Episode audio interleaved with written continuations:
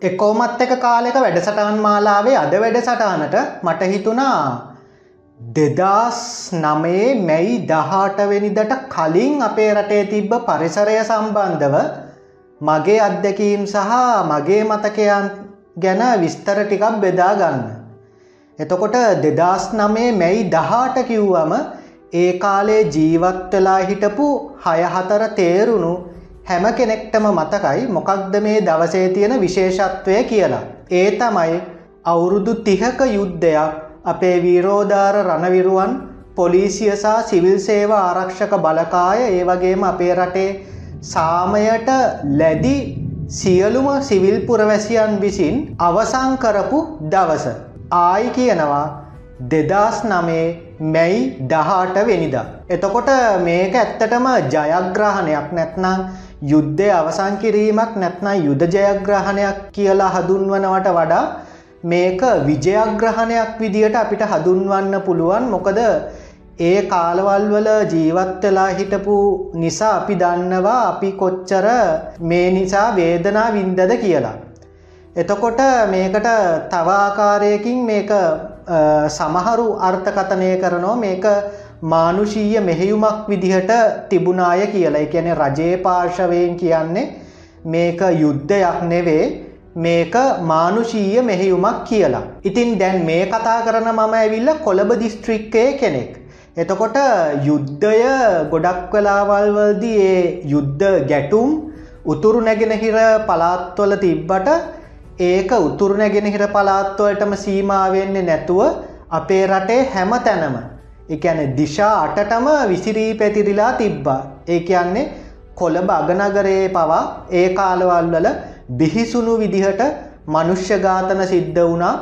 ඒ වගේම විවිධ තැන්වල බිහිසුණු විදිහේ ඒක බිහිසුණු මනෙමේ අති බිහිසුණු විදිහේ බෝම්බ පිපිරීම් මාලාවක් මරාගෙන මැරෙන බෝම්බ පිපිරීම් මාලාවක් සිද්ධ වුණා දිනපතාම බෝම්බ පුපුරනෝ මිනිස්සු මැරෙනවා Uh, ඉතිං රජය සහ එල්ටීටීය මේ පාර්ශව දෙකේම විශාල ප්‍රමාණයක් මිනිස්සු මරණයට පත් වුණා. එතකොට මේ හතරවෙනි ඊලාම් යුද්ධය ඒ කියන ප්‍රභාකරන් මහත්මයා සමහරු කියනවන ප්‍රභාකරන් මහත්මයා කියලා එතකොට ප්‍රභාකරන් මහත්මයාගේ කැරැල්ල අධ්‍යනය පහසුවට අපිට කොටස් හතරකට බෙදන්න පුළුවන්. එතකොට ඒ කැරැල්ලේ බිහිසුනුම අවදිය විදියට සලකන්න පුළුවන් වෙන්නේ ප්‍රවාකරන්ගේ හතරවෙනි ඊලාම් යුද්ධය. එවගේම තමයි තව දෙයක් අපේ රටේ මිනිස්සු හරි දක්ෂයි ජාතිආගම් කුළමල පක්ෂපාට බේදවලට බෙදෙන්න. එවගේම තව තව දේවල් වලට අපේ රටේ මිනිස්සු බෙදෙන්න හරි කැමති. රජයේ පාසල් ජාත්‍යන්තර පාසල් රජයේ විශ්වවිද්‍යාල පුද්ගලික විශ්වවිද්‍යාල රජයේ රැකයා පුද්ගලික අංශය රැකයා ඔහොමත් මිනිස්සු බෙදෙනවා. හැබැයි අපේ රටේ මිනිස්සුන්ගේ තියෙන එක්තරා ලක්ෂණයක් තමයි කොච්චර හොම බෙදිල හිටියත් අපේ රටේ ජාතික අවශ්‍යතාවයක් පැනනගින ඕනෑම මොහොතක ඒ අය ඒ සියලුම දේවල් අතඇල්ල දාලා එකට එකතු වෙනවා. ඉතින් එහෙම එකට එකතු වෙලා ඒ ජාතික අවශ්‍යතාවය වෙනුවෙන් මුහුණ දීල ඒක ජයග්‍රහණය කරනවා. එව්වට විසදුම් හොයනවා. ඒ කල කාලයක් ගියාට පස්සේ ආයි අරවට අරවට බෙදෙනවා. ජාතියාගම් කුළමල පක්ෂපාට බේද. හැබැයි ආයි කවදා හෝ දවසක ජාතික අවශ්‍යතාවයක් කෙනකොට මිනිස්සු ආයි ඒ ඔක්කොම දේවල් අමත කරල දාලා අත ඇල්ල දාලා තාවකාලික වත ඇල්ල දාලා ආයි එයාල එකට එකතු වෙනවා. ඊට පස්සේ ආයි ඒක ජයග්‍රහණය කරනවා ඒකට මුහුණ දෙනවා විසදුම් ලබා දෙනවා ආයි බෙදෙනවා. ඔහොම තමයි අපේ රටේ මිනිස්සුන්ගේ හැටි. ඉතින් ඒක සුනාමීවලදී ඉස්මතු වුණා ඊට පස්සේ ගං වතුර නායයෑම් සුලිසුලං ඒ හැම අවස්ථාවකදීම දෙදස් විසි දෙකේ අරගලයේදී ඒවා ඉස්මතු වුණයි වගේම තමයි හතරවන ඊලාම් යුද්ධයේදී අපේ රටේ සාමයට ලැදි සියලුම පුරවැසියන් එකා වගේ එකතු වුණා විශේෂයෙන්ම එවකට හිටපු ජනාධිපතිවරයා වටා එක්රොක් වුණා පක්ෂපාට අතඇල්ල දාලා. එතකොට මේ ත්‍රස්තවාදය ගැන කියනකොට. මගේ පලවෙනිම මතකය නැත්නම් මගේ දැන්ට තියෙන මතකයන් අතරින් පැරණිතම මතකය විදියට ගණන් ගැනෙන්නේ එක්දස් නමසි අනු නමේ ජනාධිපතිවරණය පවත්වපු අවධයේදී චන්ද්‍රිකා බණ්ඩාරනායක කුමාරතුන්ග ගේ ස්ටේජ් එකෙන් එයා බැහැල එද්දි පුපුරපු බෝම්බය ගැන. ඒ සිදුවීම මට අද වගේ මතකයි ඒ කාලේ අද වගේ සෝෂල් මීඩියා ගැන හිතලවත් නැති කාලයක් අද වගේ රූපවාහිනි ටීවි චැනස් ගත්තත් තිබ්බේ නමයක් වගේ හතක් කටක් වගේ චැනල් සංඛ්‍යාවත් තිබ්බේ එතනිනුත් ජාතික රූපවාහිනය තමයි මම ප්‍රවෘත්තිය බැලු එක්දස් නමසි අනු නමේ එතකොට මට වයසවුරුදු හයයි. ඉතිං චන්ද්‍රිකා ස්ටේජ්ජගෙන් බැහැලෙනවා. එක පාට බෝම්බේ පුපුරනවා. එක ලොකූ ගින්දරක් ඒ වීඩිය එකේ පේනවයි කියැනේ චන්ද්‍රිකාට ඉස්සරයින් චන්ද්‍රිකා ඇස් දෙක වහගෙන අඩනවා එතකොට මිනිස්සු කෑගානෝ කෞුද කවුද කියලා කියන සිංහලෙන් කෑගහන්නේ එතකොට එතනදි වුණාය කියන්නේ මරාගෙන මැරෙන බෝම්භකාරිය එතන වැටක් ගහල තිබ්බ. ඉතින් ඒ වැටෙන් පනින්න උත්සා කල්ලා තියෙනවා. වැටෙන් පැනල චන්ද්‍රිකා ළඟටම එන්න තමයි උත්සාහ කරලා තියෙන්නේ. නමුත් ඒ උත්සායි ව්‍යාර්ථ වෙච්ච නිසා වැටලගම බෝම්බය පුපුරගෙන තියෙනවා.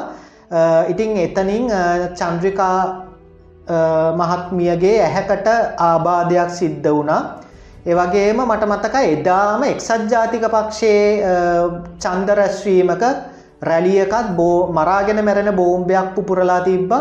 ඒක අයිටන් එක ස්වාධීන රූපවායිනය පෙන්ව සංස්කරණය නොකරපු දර්ශන රෑ.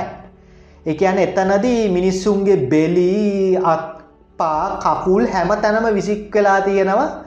සංස්කරණය නොකරපු දර්ශන මට මතකයි ත්‍රස්තවාදියගේ බෙල්ලක් ගැලවිලා ස්ටේජ් එකක් උඩ තියනෝ පෙන්නවා ඉතිං ඒ විදිහේ පරිසරයක් තමයි එක්දස් නමසි අනු නමය අවුරුද්දේ මතකය තියෙන්නේ.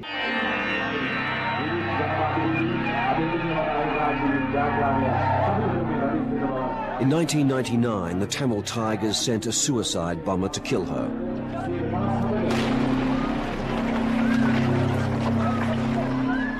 The bomber, a young woman, and 26 other people perished. But miraculously, Kumaratunga survived, though the explosion cost her an eye.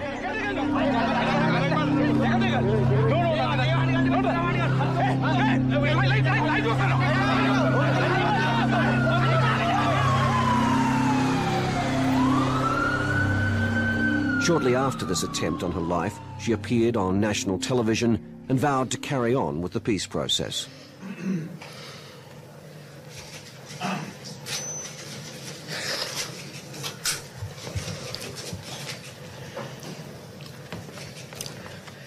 There is not one doubt in my mind that this victory with which the gods have seen fit to honor me is a victory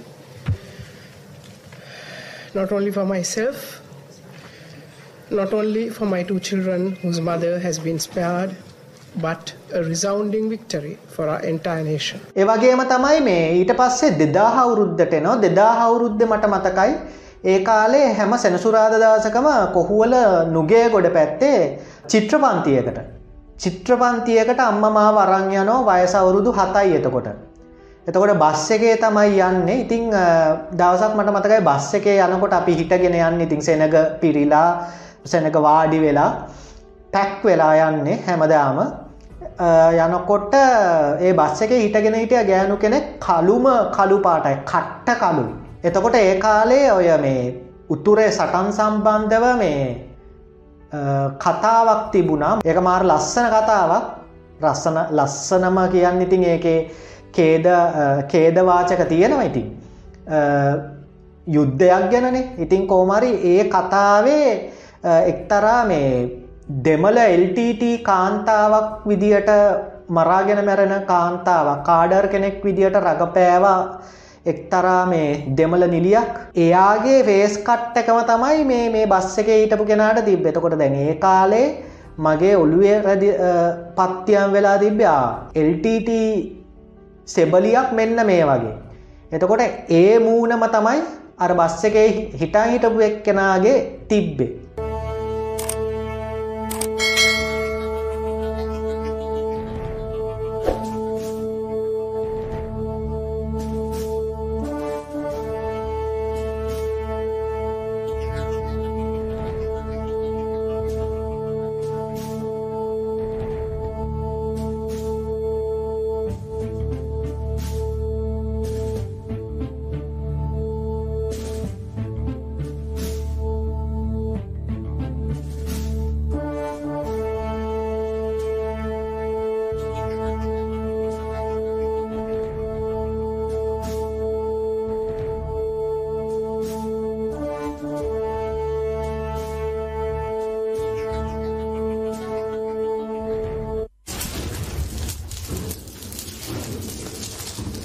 ඉතින් දැන් ඒක දැක්ක වෙලා විදලා හරි බයයි. අනිවාරයෙන් බ්ලාස්ට එකක් කියන බය දැන් තියෙනවා අවුරුදු හතේ මගේ පපුුව ගැහෙනවා. ඉතින් මං කිහිපීටක්ම අම්ම මට වඩා උසයි ඇයිති මට අවුරුදු හතයින මං ඉතින් අම්මගේ බ්ලව්ස් එකෙන් ඇද්ද මේක කියන්න. එයාව පොයින්ට අවු් කරන්න අතන කියලා. හැබැ අම්මට ඒක තේරුන්නෑ. ඉතිං ගමනාන්තය දක්වා යනකම් ඒ බය තිබුණා. පපුුව ගැහි ගැහි තිබ්බ කොයි වෙලේ මේක මේ බෝම්බය යයිද කියලා. ඉතින් කොහොම හරි ගමනාන්තයටාව අපිට අක්ගාල බස්සකෙන් බැස්සා. ඊට පස්සෙ තමයි ලොකු සහනයක් දැනුනේ. ඉතින් එහෙම බයක් අපිට තිබුණ.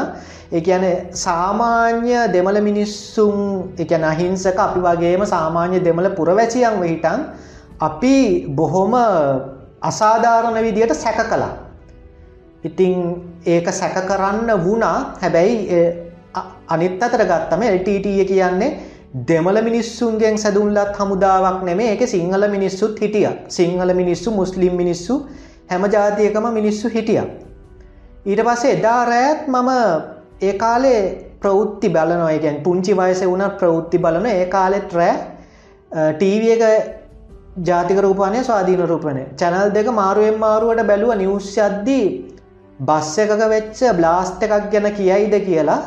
නමුත් මගේ මතකයේ හැටියට එහෙම මුකුත් කතාවක් ප්‍රවෘත්තියක් ඒ නිවස්වලට කිව්වෙ නෑ.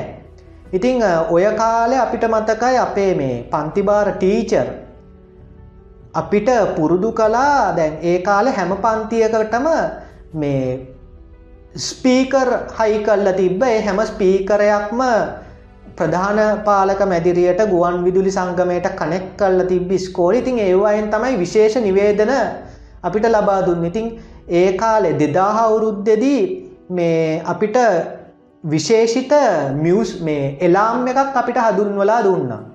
එතකොට ඒ එලාම් එකේ තියෙන මොකක් හරි ත්‍රස්ත ප්‍රහාරයක් සම්බන්ධව මොකක් හෝ දෙයක් වුණොත් බෝම්භයක් සම්බන්ධව වුණොත් ඒ සම්බන්ධව අනතුරු වැගවීමක් තමයි ඒ ලාම් සවුන්්ඩගේ තිබ්බේ. ඉතිං ඒ සම්බන්ධවත් අපිට ට්‍රේනිං දුන්න අපි එතකොට අවුරුදු හතයි. එතකොට එතෙන්දි වෙන්නේ ලාම් එක වැදෙනකොට පි කරන්න ඕන අපි ටක්ගාලා මේස යටට රිංගන්න ඕන. මේස යටට රිංගල දැම් බෝම්භයක් පුපුරනකොට සාමාන්‍යයෙන් ළඟපිපුරුවත් කන්නඩි පැලෙනවා. ඒ නිසා පෑනකින් හරි මොකකින් හරි දත්මිටි පුළුවන් තරම් උපරිමයෙන් කාගෙන කන් දෙක පුළුවන් උපරීමයෙන්ම වහගෙන ආවරණය කරගෙන ඉන්න ඕන. සාමාන්‍යයෙන් අපිට ඒ තියන තත්ත්වයක් අනුව බේසික් කරන්න පුළුවන් බේසික්ම දේ තමයි ඒ. ඉතින් ඒ සම්බන්ධව ට්‍රේනිං මට මතකයි තිබ්බ. ගැන ටීචර් කිව්වා ඔන්න දැම්මං අත්පුඩියක් ගාන එතකොට ඇමෝම මේසයටට ගින් ඉන්න ඕන කියලා මෙහෙම කල්ල අත්පුඩිය ගානවා ඊට පස්ස අපි මේසයටට ගිල්ල ඉන්නවා. ඉට පස ටීචර් කියනවා හරි ඔක්කොමල උඩට එන්න. ඔන්න දැම්මං ආයත් පුඩියක් ගහන්න යන්නේ. කියලා ආයත් පුඩියක් ගාන අපි ටක්ගාල මේසයටට ගිල්ල කන් දෙක වහන් කට තද කරන්න ඉන්නෝ පෑන් බටයකි එහෙම දවසක් මට මතකයි. ඉතිං එක්තරාකාරයක අපිට ඉතින් හරි විනෝදයක් ඒක. පුංචි වයස්වල කට්ටියන අපිති මේසයටට රිංගල හිනාවෙවීන්නෝ මේසයට. ඒ ඇනේ මේස හතර හතර තමයි සෙට් කල්ල තිබ්බි. ඉතින් එක මේස හතරක් යට හතර දෙනෙක් ඉන්නෝ. ඉතිං අපිට යම්මාකාරයක අර පුංචි වයස නිසා පොඩි ජොලියක් එතන තිබ්බා. ඊට පස්සේ දෙදා සෙකවුරුද්ධ මට මතකයි මේ සටම් විරාම ගිවිසු මත්සං කිරීම. දැන් එතෙන්දි මම හිතුව මේ දෙපාර්ශවය අතරම මේ සටම් විරාමයක් එකන යම් අවබෝධයකට ඇවිල්ල මේක අත්සං කිරීමක් කියල. කියන්නේ රටටම සාමය කියල තමයි ඒ කාලෙ හිටුවේ එතකොට දෙදස් එක කියන්න මට වයසවුරුදු අටයි ස්කෝල තුන ශ්‍රේණයේ. හැබැයි පස්සෙ කාලයක තමයි දැනගත්තේ එහෙම නෑ. මේ රට දෙකඩ කිරීමක්. ගැන රට වෙනමම එල්ටීටියකට ලියලදීලා කියල උතුරු නැගෙන ඉර. ඒ සම්බන්ධ පස්සේ මුහුකුරා යනකොට තමයි අවබෝධය ලැබුණේ. හැබැයි ඒ කාලේ පුංචි වයසිටව මමත් සතුටු වුණා. මේ සාමි උදාවුනානේ කියලා එතනත් හරි මේ හරි හිනායන සිදුවීමත් තියෙනවා. අර අග්‍රාමාත්‍යවරය රනිල් වික්‍රමසිංහ සටම් විරාම ගිවිසුම රජය පාර්ශවයෙන් අත්සං කල්ල අර ඕනවට නිකං කිසි මිහිනාවක් මොකුත් නෑ ග නිකං ෆීලිංක්ස් නෑ වගේ ඔහෙ අත්සං කරනවා නියෝජිතයට බාර දෙන යා හැන්ෂේක් කරන්න මෙහෙම අතට දෙනකොට රනිල් වික්‍රමසිංහ ඔහේ ඉද ගන්න. ඉට පස්සේ අරයා නියෝජිතය මෙහෙම දීපු අත ආය මෙහෙම අරගෙන එයත් ඉද ගන්න. ඒක හරි නිකං හිනායන දර්ශනයක් වුණා.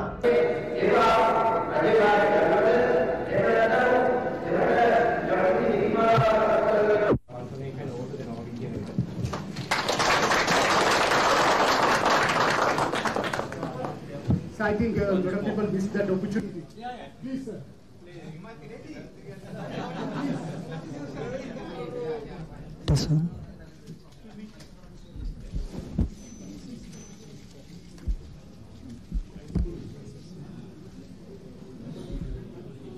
ඉතිං අපේ රටේ දැන් අද වෙනකොට මැයිදහාට තමයි රණවිරුදිනය විදියට සලකන්නේ යුද්ධය තිස්වසර යුද්ධය අවසං වෙච්ච දවස නමුත් ඒ කාලේ ජාත්‍යන්තර රණවිරුදිනය තමයි සැමරුවේ. මට මතකයි මම මේ චෝක් වලින් ටැස්ටල් කූරුවලින් සිංහ කොඩිය ඇන්ද. සිංහ කොඩියක් ඇඳලා ඉට පස තව පෝෂයක් ඇන්ද රණවිරෝම් වෙනුවෙන්. කියන්නේ යුද්ධයක්. ඒ යුද්ධේ රණවිරෝ තමයි ඉන්න. ඒගොල තුවක්කු අරගෙන යුද්ධ ටැන්කි අර කොළපාටින් මං පාට කර. කොළපාට එක එක හිව් කලස්සෙන විදියට ප්‍රභේද වලින් ඒ යුද්ධ ටැන්කි පාට කරලා මට මතකයි ඒක මම අපේ ගෙදර දොරලග බිත්තිය ඇලෙව්වා. ඉතිං එහෙම කරාට මම දන්නවා ඒම එකක් කරා කියල ඉතින් ඔය ඕක කාටවත් පේන්න හැබැ එතෙන්දී අර එයාල සම්බන්ධව හිතේ තිබිච්ච ගෞරවය තමයි මම එතෙන්දී එකන එලි දැක්කුවේ. ඊට පස්සේ දෙදස් තුන දෙදස් පාතර කාලක් පරාසය ගත්තහම අපේ රටේ පසුකාලීනව රාජ්‍ය නායකයින් බවට පත්වෙච්ච තුන් දෙනෙක් දැකගන්න පුළුවන් වුණා දෙදස් තුනේ අපි ගියා පළවෙනි වතාට පාර්ලිමේන්තුව බලන්න දෙදස් තුනේ අයවැය අයවැය විවාදයට කලින් දවසේ. ඒ කියන අයවැය ඉදිරිපත් කරන දවසක එදා අපි දැක්කා චන්ද්‍රිකා බණ්ඩාරනායක කුමාරතුන්ග ඒ කියන අපේ රටේ ජනාධිපතිනිය සහ අගමැති රනිල් වික්‍රමසිංහ.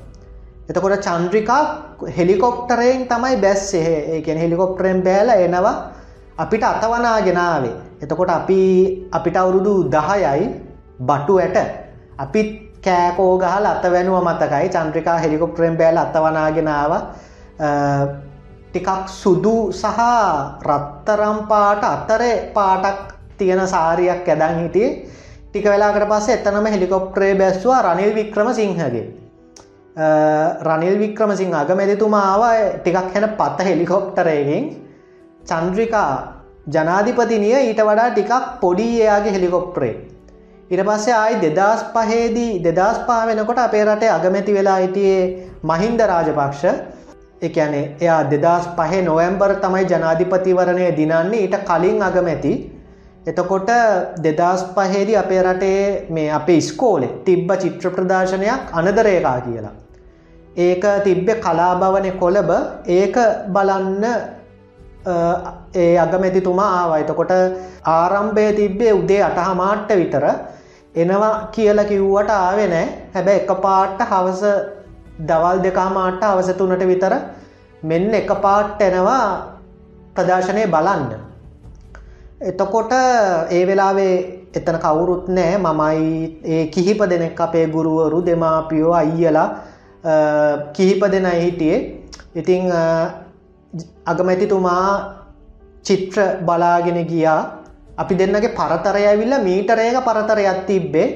එතකොට යාට ගාඩ් එකටත් දෙන්නෙක් විතර යත් එක්ක හිටිය එතන. ඉතින් ඒක ටිකක් අමතක නොවන සිදුවීමක් රටේ අගමැතිවරයා ඒ කියන්න මේ ට්‍රස්තවාදීන්ගේ ගාතන ලැයිස්තුවේ දෙවනියට ලිස්්ට එකේ හිටපු කෙනා මම ඉස්සරා ඉන්නෝ මීටරේක පරතරයකි. ඊට පස කොමරි ඒ වෙනකොට ඒ කියන්නේ මෙයා දැන් මේ ආවේ එදා දවස අවසං කරන්නත් ඔන්න වෙන්න තිය ඉතින් එදායාට දෙන්න සමරුපොත් නැතුව අන්තිමේදී මගේ සමරු පොත තමයි මල්ලග තිබිච්ච ඒ උත්සවය වෙනුවෙන් ගහපු පොත තමයි එයාට දුන්නටක් ගාලා. ඉතිං ඒ දෙදස් පහය අවුරුද්ධ ඊට පස්සෙයා නොවැම්බර් වෙද්දි ජනාධිපතිවරණය දිනල අපේ රටේ ජනාධිපතිවරයා බවට පත්වන ඇගේ පළවෙනි ජනාධිපති දූර කාලය එතැන් සිට පටන්ගන්න. ඊට පස්සේ ප්‍රභාකරන්ගේ හතරවෙනි ඊලාම් යුද්ධය පටන්ගන්නෝ දෙදස් හයේදී එකන මාවිල්ලාරු සොරෝව වැසීමත් එක්කම වගේ එයාම තමයි තෙන්දිය ගම කාගත්තේ ගැන සොරව්වක් වහලා ඒක මුදාගන්න හමුදාවගේල්ල එත්තනිදන් තමයි දෙදස් නමය වෙනකම් මේක නැවත ඇවිලෙන්නේ. එහෙම නැත්නම් අර දෙදස් එකේ සිට දෙදස් හය ඒ කාලසීම වෙනකම් සටම් විරාම ගිවිසුම නිසා එල්ටීටීය පැත්තෙන් කොච්චර වෙඩි තිබ්බත් කොච්චර මිනිස්සු ඝාතනය කරත් බෝම්බ ගැහුවත් අපේ හමුදා සාමාජිකයින්ට සිද්ධ වුණා ජාත්‍යන්තර නීතිවලට අනුව ඒ සටම් විරාම නීතිවලට අනුව ප්‍රතිප්‍රහාර දක්වන් නැතුව ඉන්න. ඉතින් කොහොමාරි දෙදස් හයේදී නැවත යුද්ධය ආරම්භ වෙනවා දරුණු විදිහට සහ සටම් විරාම ගිවිසුමෙන් ශ්‍රී ලංකා රජය ඉවත් වෙනවා. එතකොට ඒ කාලේ මට මතකයි මේ අපේ ගෙදර හිටිය උදව්වට දෙමල ගෑනු ළමේ හැමතිස්සෙම අපේ ගම් ගමට එකැන අපි කොළඹ වුණත් කොළඹ තමයි ගොඩක් කලාවල්වදී එකනේ ඒ ත්‍රස්තවාදී. ඔය බෝඩිං හවසස් වල නතර වෙලා ඉන්න ගමන්න කොළඹ ප්‍රහාර එල්ල කරන්නේ කොළඹට ප්‍රහාර එල්ල කරන්න. ඉතිං හැම ගෙවල්ම සෝදිසි කරනවා විටින් විට. අපේ ගෙදරත් කීප විටක් සෝදිසියට ලක්වුණ ඉතින් හැ හැම වෙලාවෙම අර ගෙදර වැඩට නතර වෙලා ඉන්නකොට ඒ දෙමල එක්කෙනාට ප්‍රශ්න වුණා. එකන ගොඩක් අපි අපි සම්බන්ධවානෝට වඩා එයා ගැන තමයි ආරක්ෂකාංශ ගොඩක් හාරහාරහන්න අයිඩ ලියකිවිලි හැම එකක්ම ඉල්ලනවා. ඒවගේ මට මතක එයා දවසක් ගමේ ගියා. ඒ ගමේ අද්දි යාගේ බෝයි ෆ්‍රෙන්් එය ටැමිල් එයත් එක්ක යනකොට කොය අරි කොළබ ලොක්කෙක්ගේ දේශපාලන රැලියකට මැදි වෙලා එතන බ්ලොක් එකකට අහු වෙලා එතන ආමියකෙන් සර්ච් කරද්දි පොලි මේ පොලිසියන් සර්ච් කරද්දි කොයරි මරදානෙද කොයද එතෙන්ට අහු වෙලා ඊට පස්සේ ඒගොල්ලොන්ගෙන් ප්‍රශ්න හලා අපිටත් කතා කරලා අපේ ගෙදර.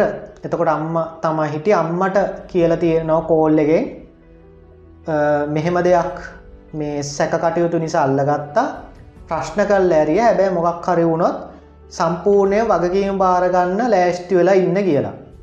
ඊට පස්සේ ඒ ෆෝන් එක තිබ්බට පස්සේ ඒක මහ රෑ දහයට කොලාට පැය දෙකතුනක් යැනකං අම්මට නින්දක් නෑ අම්ම ඒක ගැනව තමයි කල්පනා කර කර හිටිය. ඒ කියන්නේ අපි හේත් එකන හේතුවක් එකන යම් හේතුවක් මත හැබැයි හේතුවක් නැතුව එකිනෙකාව සැකකරන තත්ත්වයකට ඒ සැකයොස්සේ එකිනෙකාට මානසික පීඩන එල්ල වෙන තත්ත්වයකට පත් වුණා. දැන් දෙදස් හයේ ඉදලා යුද්ධය දරුණුවට යන්න ගත්තා මට මතකයි මේ පාලිමන්ට් රෝඩ් එක දැන් අපි ගිය ස්කූල් වෑන් එක ස්කෝල වෑන් එක දවල්ට එන්න පාර්ලිමන්ට් රෝඩ් එකේ මරදානය ඉදලා ඒ පැත්තට යන්නේ. එතකොට පාර දිගට අගලක් අගලක් නෑර යුද හමුදාවේ අය තරුණ සෙබලු යුද හමුදාවය අය පාර දෙපැත්ත ඉන්නවා අඩියෙන් අඩියට ඉන්නවා තුවක් උස්සගෙන තනි තනිවසා කණ්ඩායම් වශයෙන් ඒවගේම අතරින් පතර ගුවන් හමුදාවසා නාවික හමුදාව සැබලු දකින්න පුළුවන් පොලිසියේ නිලධාරීන් හතරමං හන්දිවල දැකගන්න පුළුවන්. ඉතිං අපි ඉස්සර ගෙදර යන ගමන් තරගෙට එකන අපි අපේ පුරුද්දක් අපි දකුණු පැත්ත බලනව වම බලනෝ දකුණ බලනව වම බලන තරගෙට මෙහෙම මේම ගැන ගැන යනවා. ඉතිං එහෙම ගැන ගැන ගියත් අපි යන පාරේ හැටක් හැත්තෑවක් විතර ඉන්න හැබැ අපි භාගයක් ගීල හැරිලා රාජගිරිය පැත්තට යන්නේ. අපි කෙලින්ම යන්න එතකොට ඒ පොඩි ටිකටත් හැටක් විතර ඉන්න වනං අර කෙලින්ම යනකම් කොච්චර ගාඩ් එක නිලධාරයෙන් ප්‍රමාණයක් ඉන්න ඇද්ද. ඉතින් ඒ මතකයන් තියෙන ඉතින් ඒගොලො කට්ට අව්වේ ගිනිගහන අව්වේ මහා තද වැස්ස තෙමිටෙමි ඉන්නවා. ඉතිං ගස්යට හරිම අමාරුවෙන් ඉන්න. අපි ඉතින් ඔය අතවන්න නෝ මෙහෙම. අතවන්නකොට එයාලත් හිනා වෙලා අපිට අතවන්න නෝ උදේට මට මතකයි චෙක් පොයින්ටයක් තිබ්බ නාරාහෙන් පිට හැමදාම දැන් ස්කූල් වෑන් කියල ගහල තිබ්බත් හැමදාම ස්ටොබ් බෝඩ් එක අල්ලනවා. ඉට පස්සේ අපි වාහනය නවත්තුවමත් ඇවිල්ලා ටිකක් විපරං කල්ල බලල තමයි යන්න කියන්නේ. ඉතින් හැමතිස්සෙම දැන් අපේ වෑන් අංකල් පාසල් වෑන් රතේ රියදුරාගේ පුරුද්දක් තමයි චෙක් පොයින්ට එක හම්බෙනකට බෝඩ් එක කොහොමත් දන්න බෝඩ් එක මේ අල්ලනවම තමයි කියලා දන්න නිසාම බම්මත් අප ඇත්තට සිගනල් එක දාගෙනම ස්ලෝ කරගෙනම තමයි එන්නේ. බෝ එතකොට පුරුද්දක් විදියට බෝඩ් එක අල්ලනවා. වාහනේ චෙක් පොයින්ට එක නතර කරන කෙනෙක් ඇවිල්ල බලල යන්න කියනවා. ඉතිං වැඩිහරියක් ටී පනස් හයතුවක්කු තමයි තිබ්බේ. අපි දන්න විදියට සෙබලු වගේම බොහොම අතරින් පතර කලාතුරකින් යුද හම්දාසා ගුවන් හමුදා සෙබලියොත් අපිට දැකගන්න පුළුවන්කම ලැබුණා.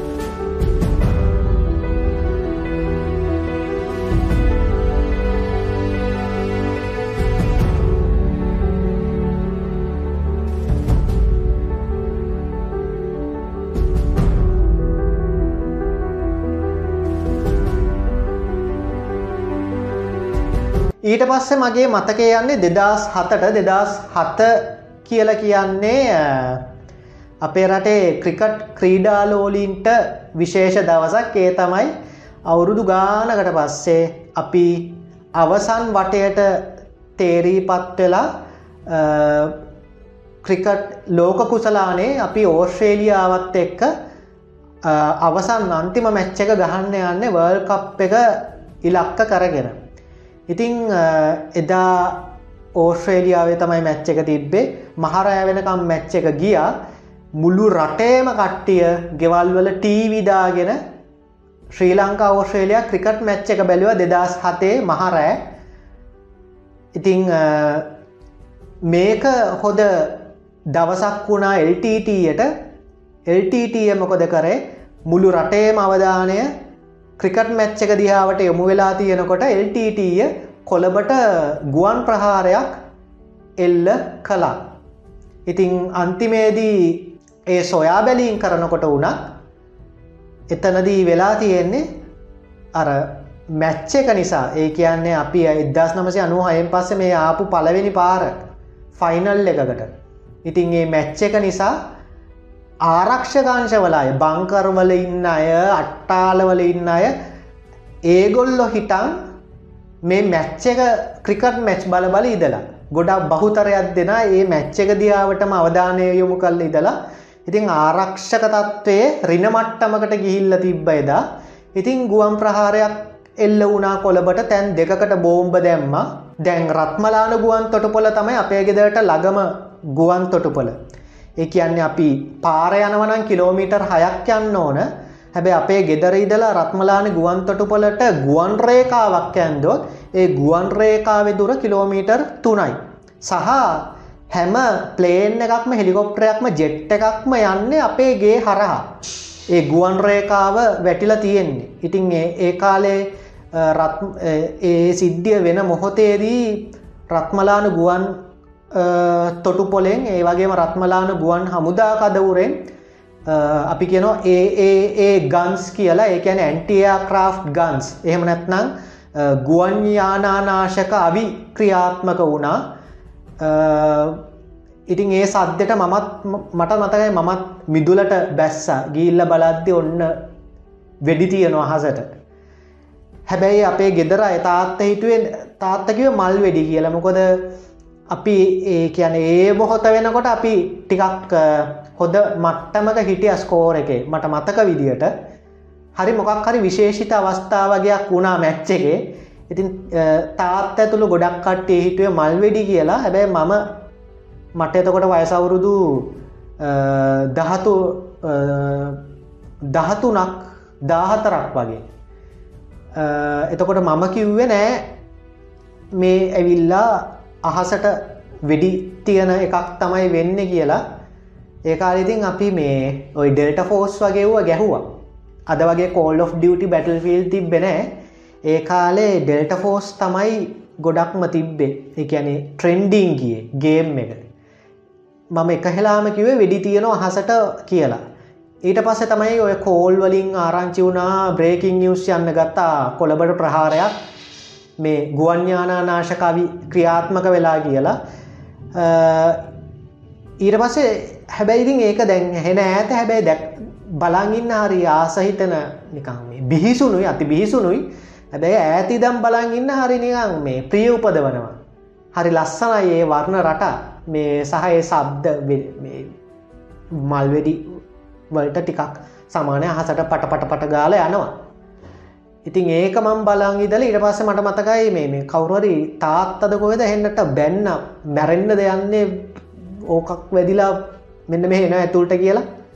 මේ බැනලා ඉට පස්සේ මංගේ ඇතුළට ගිය. ඉට පස කෝමරි පහුවනිද නිවස් වලින් ආරංචි වුණා මේ ඒ ඇන්ටියා ක්‍රාෆ් ගන්ස් වලින් ඒ තියපු වෙඩි. රත්මලානවට ප්‍රදේශයේ තියෙන ගෙවල්වලට පතිත වෙලා එලියේ හිටපු මිනිස්සු ගෙවල් ඇතුළ හිටපු මිනිස්සුන්ටත් බැදිල බරගානක් මේ හොස්පිල් ගෙනහිල්ල එක්කංගීන් තිබ්බාය කියලා. ඉතින් කෝමරි එදා බ්ලැකවුට් එකකුත් ගිය කොළබය කියන්නේ මුළු කොළබම මේ කොළඹ දිස්ත්‍රික්කයම කරන්ට එක වැැහුවා එතකොට LTT ගුවන් යානාවල ඒ ගමන්ගත්වයට කොළඹ ඒ යට ඉලක්කමකුත් පේන්නේ නැති නිසා. කෝමරි බෝම්බ දෙමින් සිද්ධ වුණා එතකොට ඒ ඉල්ලක් ඒගොළොන් ඉලක්ක ලැයිස්තුවේ තිබිච්ච එකක් තමයි රත්මලාන ගුවන් තොටුපොල.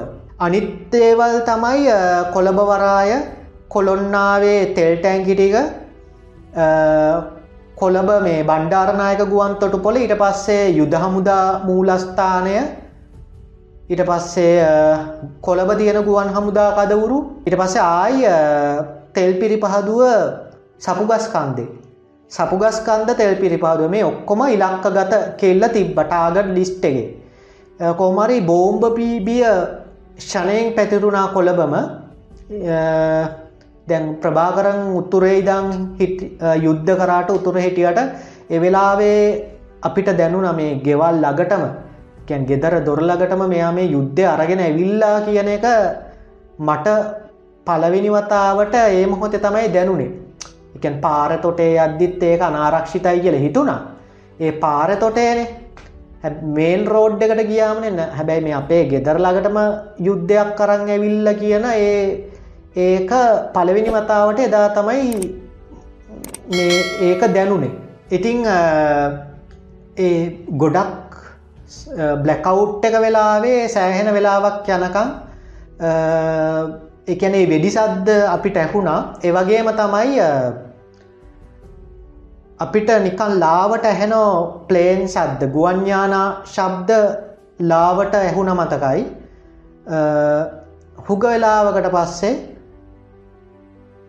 අපිට ආරංචි වුණා එහෙමාපු ගුවන්ඥානා දෙකක් ආයි උතුරු පැත්තට යනවා කියලා. ඊට පස්සේ ටිකක් වෙලා ගියාට පස්සේ තමයි කරන්ට එක කොළබට ආවේ. කරන් සප්ලයි එක.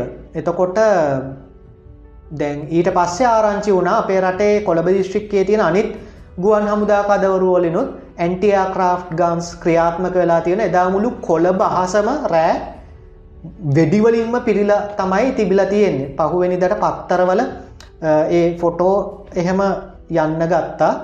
ඉන්ටනෙට් එකෙත් ඒ කාලි තිබ්බේ යාහු මැසේන්ජ යාහු මැසේන්ජ හොට්මේල් එක එම්මෙස්සෙන් එක. ඊමේල් වලින් ඒ ෆොටෝ සංසරණය වෙන්න ගත්තා මතකයි. ඉතිං එහෙම පරිසරයක් තමයි එදාදාස තිබ්බේ. සමහර බෝම්බ දැමීම් සාර්ථකයි. මට මතක විදියට කොළොන්නාවට එහෙම දැම්මා. කොළොන්නාවට දාපු එක බෝම්බයක් තෙල් ටැන්කියක් ලගටම දාපු එකක් වාසනාවකට පිපිරිලා තිබෙන ඒක එහෙම්මම වැටිල තිබිල තිබිලා මේ පහුවෙනිදට හොයාගෙන තිබ්බා.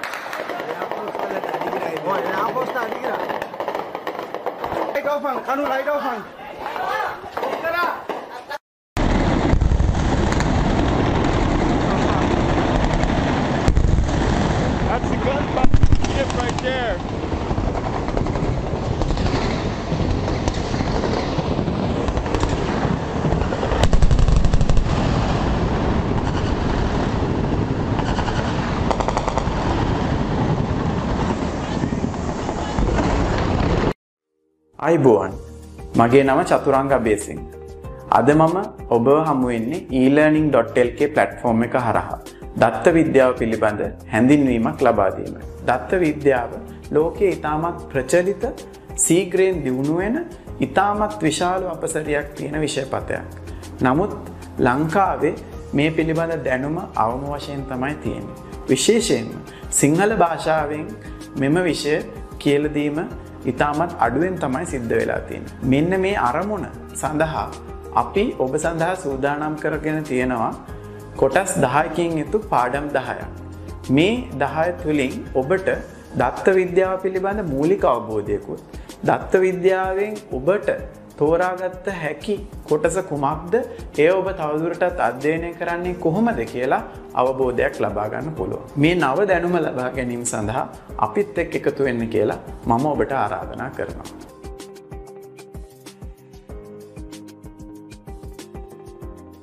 ඊට පස්සේ මට මතක් වෙනවා මේ අපේ පාසල පාසලේ තව තව සිද්ධිය කියන්නේ දැන් මම ගියේ මරදාන ආනන්ද විද්‍යාලයට ඒක සැලකෙන්නේ අපේ රටේ තියෙන ප්‍රධානතම සිංහල බෞද්ධ පාසලක් විදියට සැලකෙන්නේ.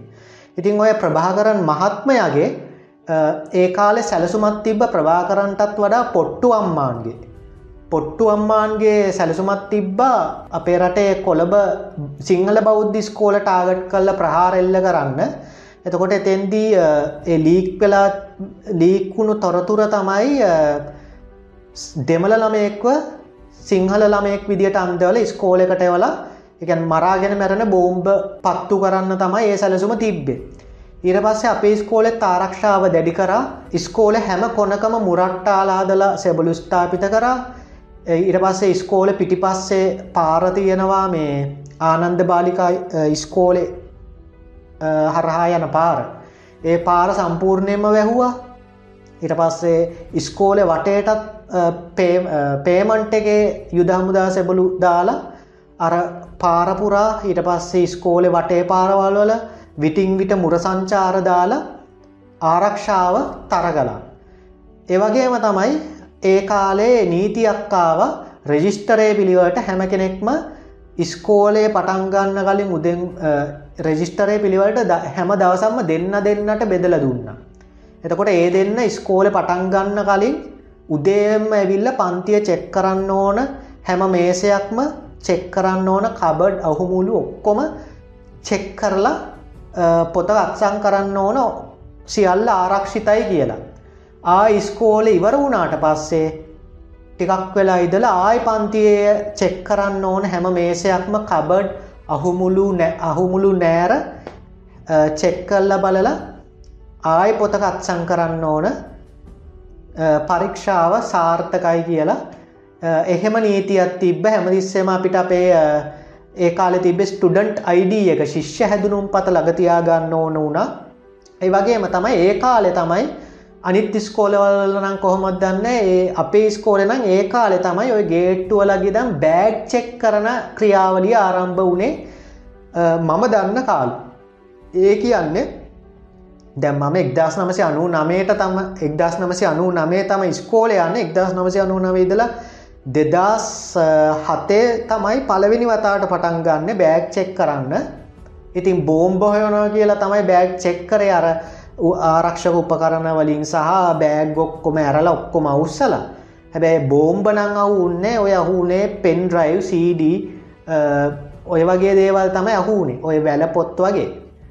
කොමරි එදා ඉදලා අද දක්වාම තේරුමක් ඇතුව හෝ නැතුව ඒ ක්‍රියාවලිය සිද්ධ වෙන ඉතින් අපේ දෙමාපියන්ටත් හිටපු ගමන් ඉස්කෝලෙන් කැදවනවා මේ ඒ සිකියරටි ගාඩරූම් එක ළඟට වෙලා ඒ ආරක්ෂක කටයුතුවට උදව් කරන්න කියලා.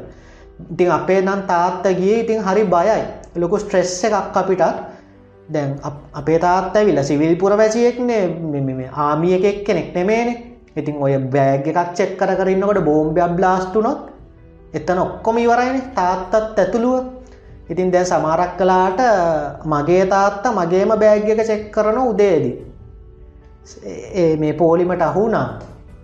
ඉතින් ඊට පස්සේ ඉස්කෝලේ ඉවර වෙනකං ලොකූ ගින්දරක් මගෙත් හිතේ පත්තු වෙවී තියෙනවා. අනේ තාත්තට කරදරයක් වෙන්න එපා කරදරයක් වෙන්න එපා කියන සිතුවිල්ල තියෙනවා.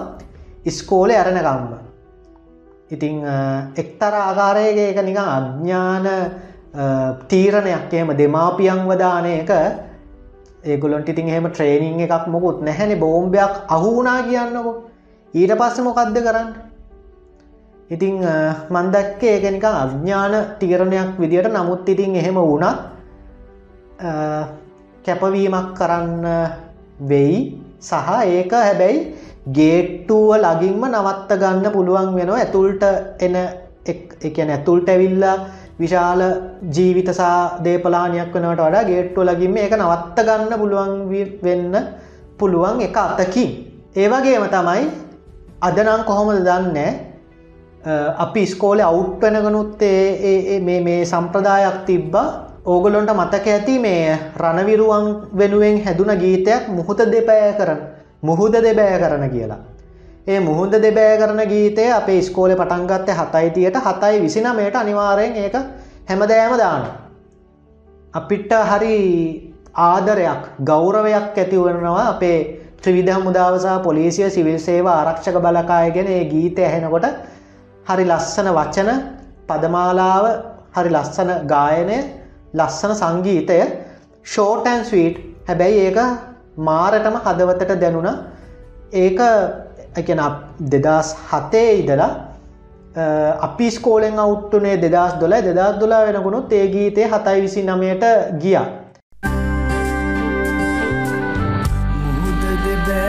කරන අහස පොළොව සිඹින රටට සෙනෙහෙ පුදන ලෙයින් මසින් සැදුනා. සැබෑපියකි දරුදහසකි මුළු රටේම ලේනෑයකි අපේ එකකි සියදහසකි මේ දරුහට මවදහසකි යෞවනයේ මේ සගයා අපෙන් එකකි මේ මිනිසා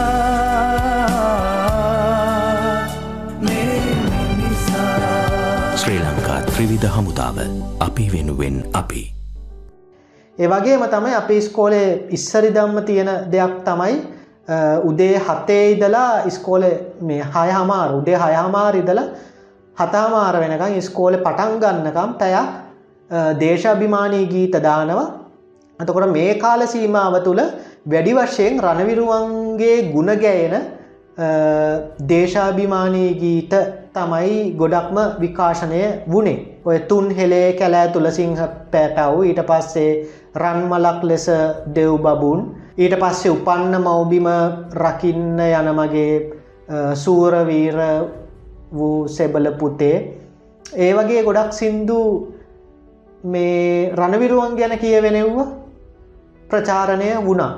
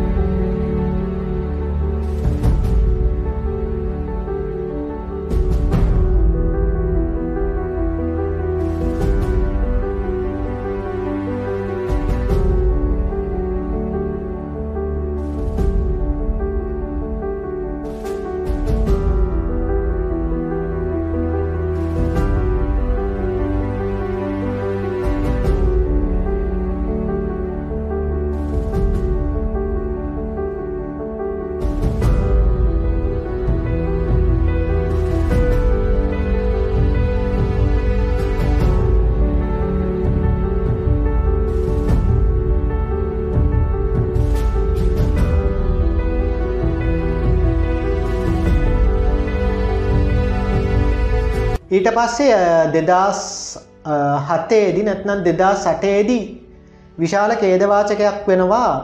කොය හරි යුද කොයරි නාවිකාමුදා කෑම්ප එකක සේවයෙන් පස්සේ පොඩ්ඩක් කර නිවාඩු යන්න. නිවාඩු ලබා ගැනීම වෙනුවෙන් එක රාජකාරයෙන් පොඩ්ඩක් මිදිලා නිවාඩු නිවාඩු ගන්න ගෙදර යන්න හිටපු නාවිකාමුදා සැබලුම් රැදී හිටපු බස් ගොඩක ගොඩක් එක්ක වර විනාස වුණා මරාගෙන මැරෙන බෝම්භ පටවගත්තු ලොරියක් හප්පලක් එතකොට එතැන්දී මට මතකවිදියට අනු අනු දෙදෙනෙක් නාවිකාමුදාසැබුලු එත්තනම මැරුණා. ඉතින් ඒක හරි සෝචනීය සිදුවීමක්. මට මතක එදා හවස අපි බෙහෙත් ගන්න ගියා. ඒ බෙහෙත් ගන්න ගයා ඩිස්පන්සරි එක් කෙනෙක් ඉදගෙන අඩාන්ඩ ඇස්වල කදුරු ඕක ගැන කියවන අපේ අම්ම එක්ක. කතාව ඉවරුණාමං අම්මගෙන් ඇව්වා මේ කවුද කවුරු හරි ඉදලද කියලා. එහෙම කවුරුත් ඉදල නෑලුයාගේ. තමන්ගේ දරුවෙක් මල්ලි කෙනෙක් එහෙම ඉදල නැහැ නමුත් කාගෙ හරි දරුවෙක්නේ කාගහරි තාක්තෙක්නේ කියන හැඟීමසා අපි වෙනුවෙන්නේ කියන හැඟීම ඒ සීය කෙනෙක්. කෝමරි ඒ සීයගේ තිබිල තියනවා. ඉතින් මට අද වගේ මතක ඇස් පුරාමයාගේ කදුලු අනු දෙදෙනෙක් සෙබලු එක තැන මියදුනා එදා. ඊට පස්සේ දෙදස් හතේ නුගේගොඩ හන්දියේත් එල්ල වෙනෝ බෝම්භ ප්‍රහාරයක්. ඒක මට මතකනෑ මරාගෙන මැරණ එකක්ද නැත්ම රිපුරණ එකන් රිමෝට් කොන්ට්‍රෝල් එකක්ද කියලා. නෝලිමිට් බෝම්බය කියල තම අපි ඒක හැදින්නෙව මොකද නෝලිමිට්ට ඉස්සරා තම ඒ බෝම්බෙ ගිය. එතකොට දෙදස් හතේ කියන්න අපේ ගමේ පන්සලේ නායක හාමුදුරු අපවත්තලා උන්වහන්සේගේ ආදානුත්සවය තිබ්බ දවස තමයි ඕක වුණේ. දෙදා සතේ නොවැම්බර් විසිහත වගේ තමයි ඕක වුණේ. ඉතිං හවස.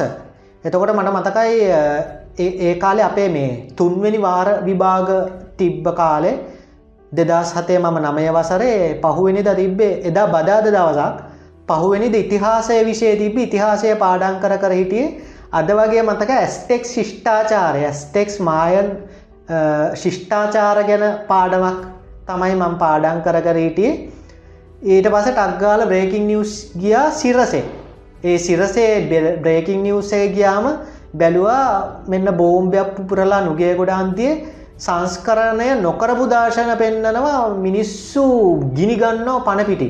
පණපිටින් මිනිස්සු ගිනිගන්නෝ සමහරු වතුරදානෝ සමහරු රෙදිවලින් ගහලා නිවන්නාදනවා ඊට පස්සේ සමහරු පිච්චිලා තැන්තැන්වල වැටිලා ලේ විලයි. මහාගේද වාචකයක්. එතකොට ඒ අරාධාන පූජෝත්සවයට අපේ අම්මත්ගිය එහා ගෙදර ඇන්ටි කෙනෙක් එක්ක. දැන් හිතේ හරි කලබලයි මේකට අහුනාද නැද්ද. මොකොද ගෙදරෙන වෙලාව ආදාහනයට ගිහිල්ල මේ ගෙදර එන වෙලාව සමාරවිට ඒ පැත්තෙන් එනවද දන්නෙත් නෑ. හිතේ ගින්දර.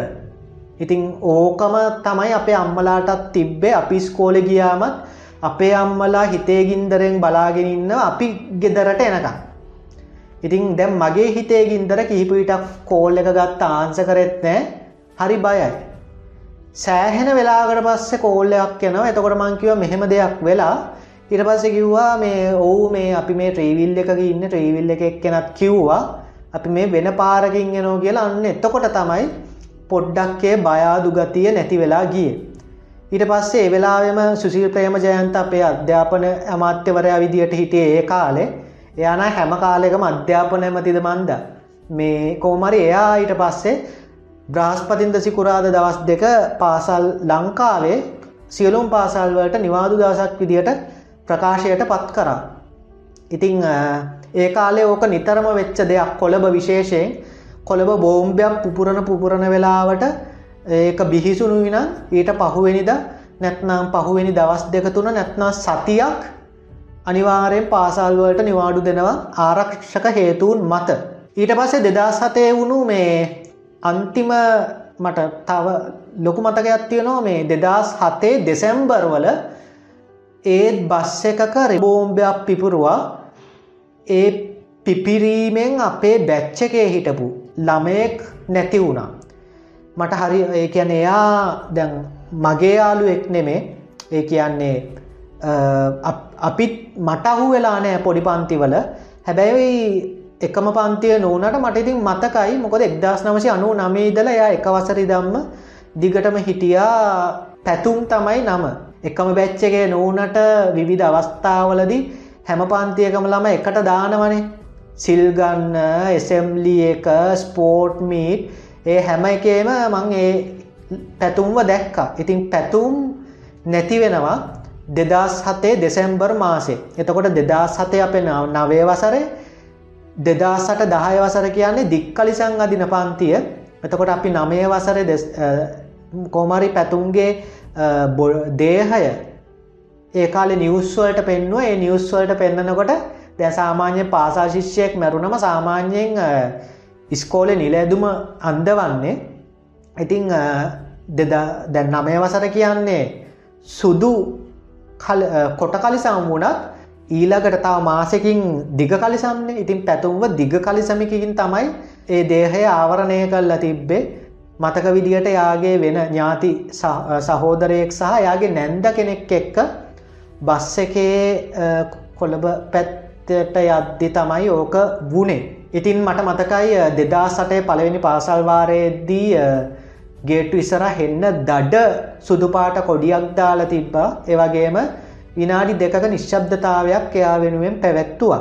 ඊට පසේ දෙදා සටේ පුපුරනෝ බොල්ලස් ගමුවේ පිරිවෙන හන්දියේ මෛත්‍රිපාල සිරිසේන ඒවකට කෘෂිකර්මාන්තය අමාත්‍යවරය ඉලක්ක කරගෙන බෝම්භයක් ඒකත් මරාගෙන මැරණ එකක් ඒ අපේ ගෙදරට සද්‍ය ඇහුණා.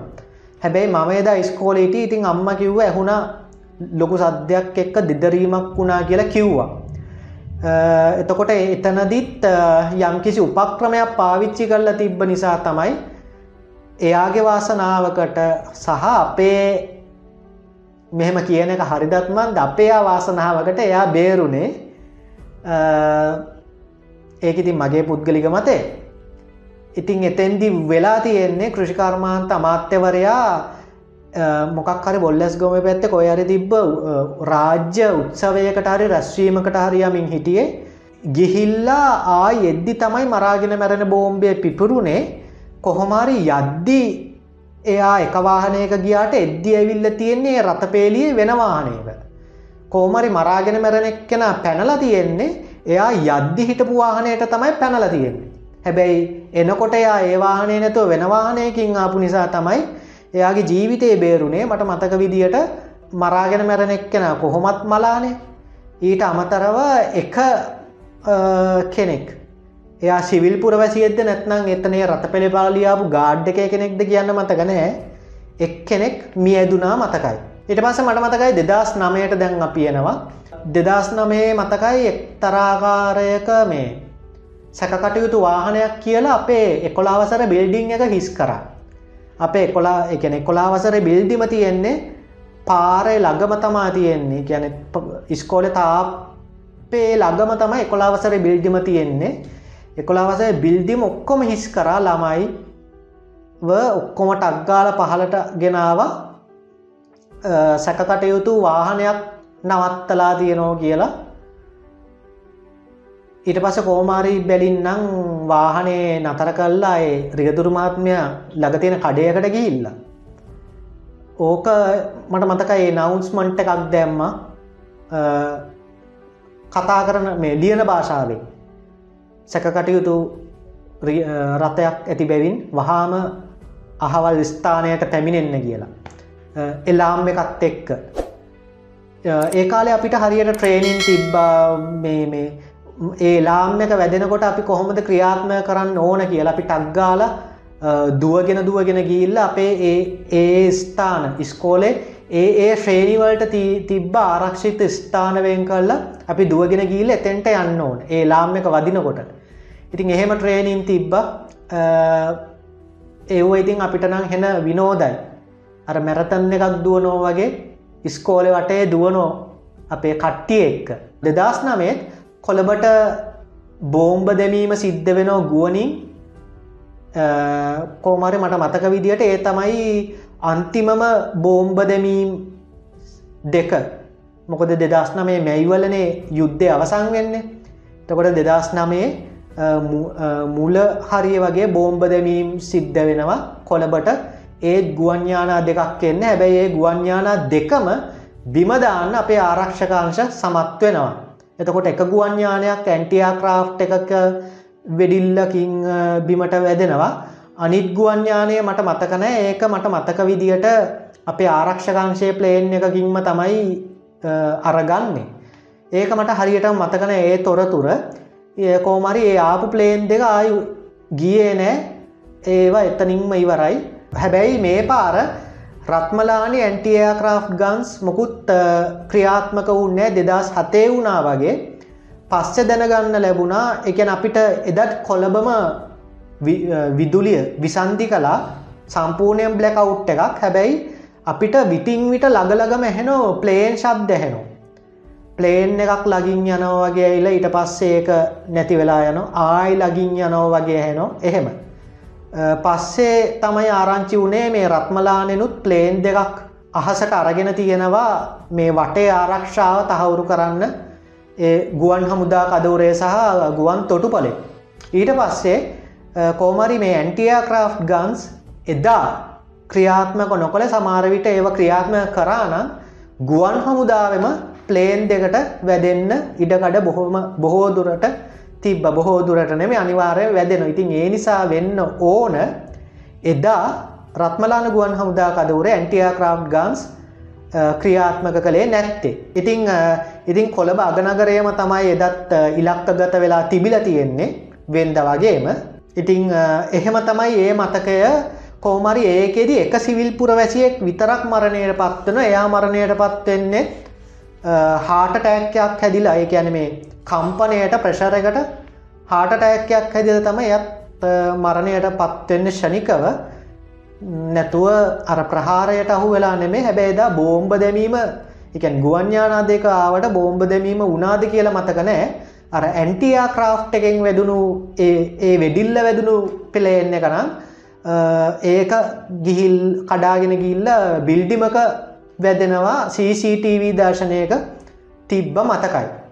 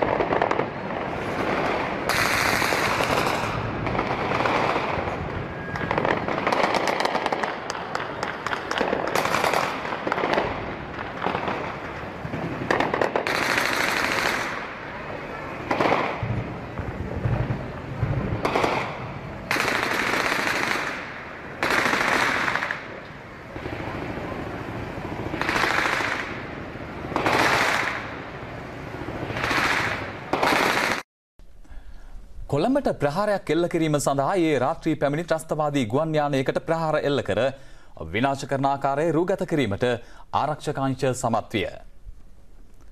මුහුද දෙසින් කොළඹට ඇතුළු මෙම ගුවන් යානයට ගුවන් යානා නාශක අභිපද්ධතියෙන් ප්‍රහාර එල්ලවන ආකාරයත් එය ගිනිගෙන දේශීය ආදායම් දෙපාර්තමේන්තු ගොඩනැගිල්ලට කඩා වැටෙන ආකාරයත් රූගත කිරීමට නාවික හමුදාවට හැකි වී තිබේ.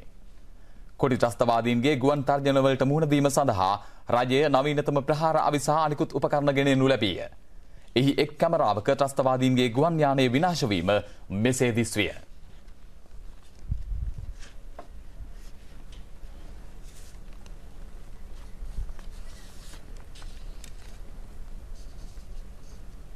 ඊට පස්සේ දෙදස් නවේ අප්‍රේල් වෙනකොට ප්‍රභා කරන්න හිටියේ වර්ගාඩී විසිපහයි විසිපය කොටුවකට කොටු වෙලා ඉතින් ඒ කාලයේ තමයි යුදමුක්ත කලාපය නැත්නම් නෝෆය ζෝන් එක හදලා ඊට පස්සේ උතුරු නැගෙනහිර ඒ උතුරු පැත්තේ හිටපු සිවිල් මිනිස්සුන්ව විශේෂයම දෙවල සිවිල් මිනිස්සුන්ව ටට්ටට්ටක් ගාලා හමුදාව පැත්තට අරගන්න. ඉතිං ඒ මිනිස්සු LTT එකෙන් වෙඩි කාගෙන ජීවිතයට තියෙන ආසාාව නිසා ගෙදර බඩුමුට්ටු දාලා අහුවෙන අහුවෙන දේවල් දරු ඔක්කොම අරගෙන දරුමල්ලු අරගෙන එනවා.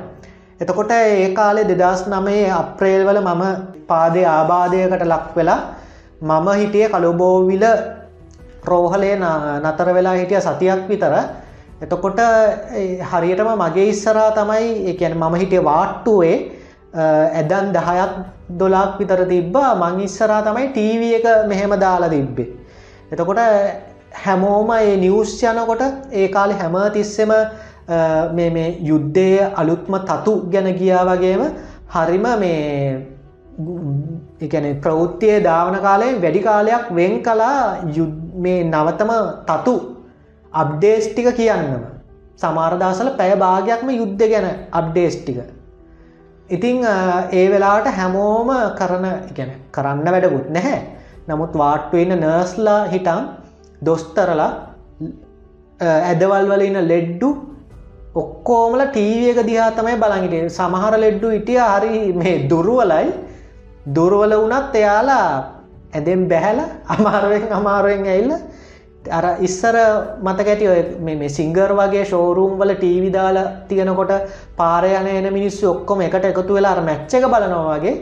එතන ටීවිය කලාග රොක් වෙලා ටීවක උඩන හයි කල තිබ උඩ ටීව එක දිහා බලංගන්නවා ඒ යුද්ධ අක්්ඩේට්ස් ටික යනකම්. ඒවගේම ඒ මම හිටපු වාට්ටුවෙත් මගේ ඉස්සර ඇන්දේ හිටියේ එතන උත්තුරෙන් මෙහාට ට්‍රාන්ස කරපු ළමේ කවුරුදු දහයක් විතර ඇති. එයත් ඒ කියන එතන LTT කලාප ඉදලා මෙහාට පැනලෙනකොට LTT එකෙන් ගහපු මෝටාරකට අහු වෙලා යගේ කටේ පැත්තක් මෙහෙම මේ ඇම්බරිලා මොකක්ද වෙලා එතන හෙනට ඔපරේෂන් කරලා මේ ඔක්කොම වහගෙන හිටියේ. දැක්කම හරි දුකයි. ඉතිං එය එකනේ ටැමිල් ළමයෙක්. ඉතිං මට මතකයි වාට්ටුවේ හැම කෙනෙක් මේ යාට හරි ආදරෙයි. ඉතිං විහිළු තාලු කරනෝ එකන දැන් අපීව බලන්න අපේ ගෙවල් වලින් ආවත් අපේ හා ඇදවල් වල හිටියත් සම වයස්වල කට්ටිය. ඉතිං එයාලාව බලන්න එයාලගේ ගෙවල් වලින් ආවත් ඒ හැමෝම මේ ළමයට මොනවහරි කෑමක් බීමක් පැනිරස කෑමක් දුන්න.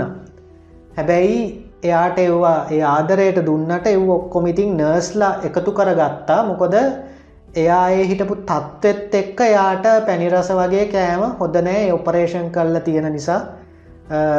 ඉතිං ඒකත් මට ෂණිකව ඒකත් මතක් වුණා. ඉතිං ඒ කාල හරියට අර ඩිෆෙන්ස් ඩොට්ටල්කේගේ දාලා තිබ්බ මේ සිටියම අපි බැලුව. ඉතින් අපි ඒවා දවසින්දාස බලද්දි අපි දැක්ක ප්‍රෝග්‍රස් එක.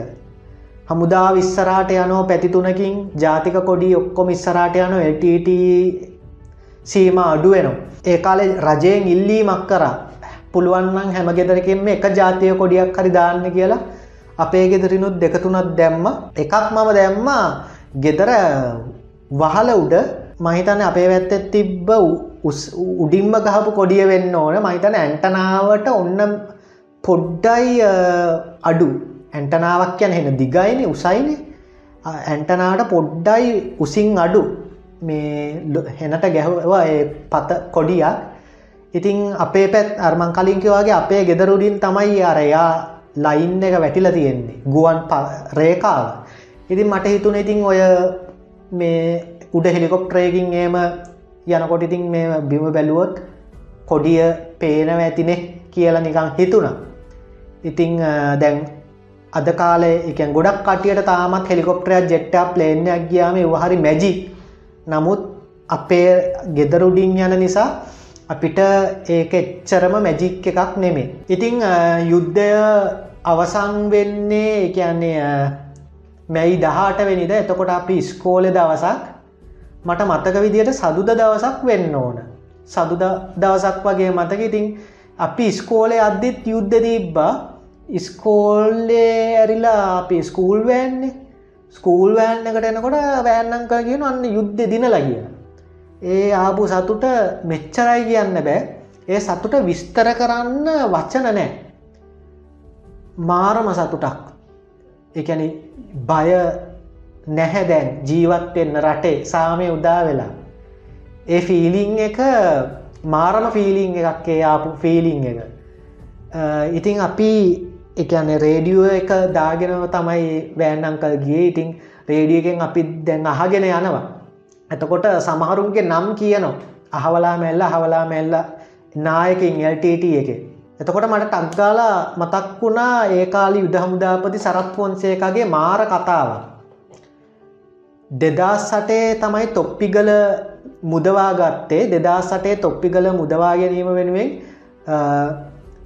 විශේෂිත ප්‍රෝග්‍රෑම් එකක් කර අයිටන් එක සුදර්මන් රදලිය ගොඩ එවකට හිටපු ත්‍රවිධ හමුදාව පොලිසිය සිවිල් සේවාරක්ෂක බලකාය අය දවසින් දස්වස ගෙන්න්නලා මොකක් හරි ප්‍රෝග්‍රෑම්ය ඒ ප්‍රෝග්‍රෑම් එකේදී මේ සරත් ෆෝන්සේකගෙන් සුදර්මන් අහනවා මේ යම් හයකින් යුද්ධයේදී ප්‍රභාකරන් මලොත් ඊට පස්සෙ කවුද ප්‍රභාකරන්ගේ තන නායකත්වය ගන්න LTT එක? ප්‍රභාකරන්ගේ පුතා චාස්‍යන්තන ඉන්න පොට්ටු අම්මාන් ඉන්න සුසේ ඉන්නවා. ඔහොම නම් ගොඩක් කිව්වා. එතකොට සරත් ෆෝන්සේ එක කියපු දෙයක් තමයි ඒ කවුරුත් ජීවතුන් අතරින් නෑ කියන එක. එයා කිව්වේ ප්‍රභාකරන් මැරෙනකොට අනිවාර්යම ප්‍රභාකරන්ගේ වටඉන්න අයත් මැරෙනවා. ඒ නිසා ප්‍රභාකරන් මැරණවත් එක්කම යුද්ධ ඉවර වෙනවා. කොහොමත් එයාගෙන් පස්සේ නායකත්වය ගන්න කිසිම කෙනෙක් නෑ කියල තමයි කිව්ව. ඒක හරියටම මට මතක් වුණා. ඒක ඒ ප්‍රකාශනය කාටවත් මත කර අර මීලක යුද හමුදාපතිවරයාට යුද්ධය කරන්න දෙන්න කියපු එක තමයි මතක. හැබැයි මෙහෙම ප්‍රකාශයකුත් කරා මේක අනාවැකියක්. ඒක කාටවත් මතකන හැබැයි මට ඒක මතක තියෙනවා අදට මම පුද්ගලිකව හිතනෝ යුද හමුදාපති සරත් ෆොන්සේ එක කියපු විශිෂ්ටතම ප්‍රකාශනය ඒක කියලා. ගැන ඒක අනාවැකියක් වගේම කිව්වසා ඒ කියපු දේවල් ඒ විදිහටම වුණා. පොට්ටු අම්මාගේ බොඩිය හම්බ වෙලා තිබ්බා. චාසන්තනයක බොඩිය හම්බ වෙලා තිබ්බා. ප්‍රභාකරන්ගේ බොඩිය හම්බුන්නෑ හැබැයි ඒක පහුවනිද හොයාගත්තා. එතකොට එදා ගෙදර ඇවිල්ලත් එදා පන්තියක් මට ටියවෂන් ක්ලාසයක් හැබැයි ටියවෂන් ක්ලාසය පටන්ගන්න ඔන්න මෙන්න තියෙන කොට මන් ටීව එක බලබල තමයි හිටිය. ඉතිං අර රූපරාමු අද වගේ මතක එව පෙන්නවා. ඉතින් ඒක මාරම එකන ඒ කාලේ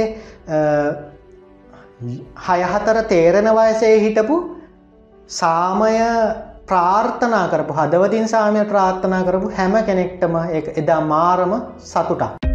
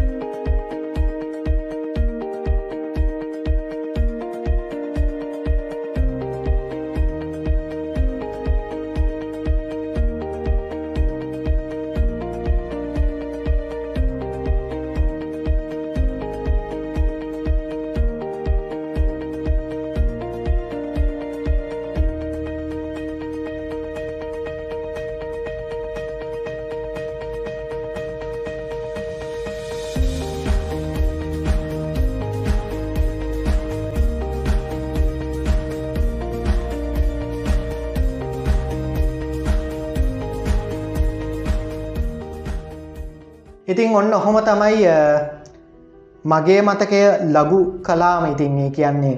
මෙහෙම කුරිරු යුද්ධයක් ආයි වෙන්න එපා කියලා ප්‍රාර්ථනා කරනෝ. සිංහල දෙමළ මුස්ලිම් බර්ග මැලේ එහෙම නැතුව බෞද්ධ හින්දු ඉස්ලාම් කතොලේ ක්‍රිස්ටයානි එහෙමත් නැතුව ගොඩාක් මිනිස්සු මරණයට පත් වනා එල්ටටිය පැත්තෙනුත් මලා රජය හමුදා පැත්තෙනුත් මලා සිවිල් මිනිස්සුත් මලා ශ්‍රී ලාංකික දේශය මිනිස්සුත් මැරුණ. පිටරටවල් ඉදලා අපේ රටේ ලස්සන බලන්නාපු විදේශික මිනිස්සුත් මැරුණ. ඉතිං ඊට පස්සේ යුද්ධය අවුරුදු තිහයි. ඊට පස්සේ අපිට ගොඩ යන්නත් සෑහෙන කාලයක් ගියා. සෑහෙන කාලයක් යනකං ඊට පස්සේ තමයි ආර්ථික යුද්ධය ජයගන්න අපිට කටයුතු කරන්න සිද්ධ වනේ.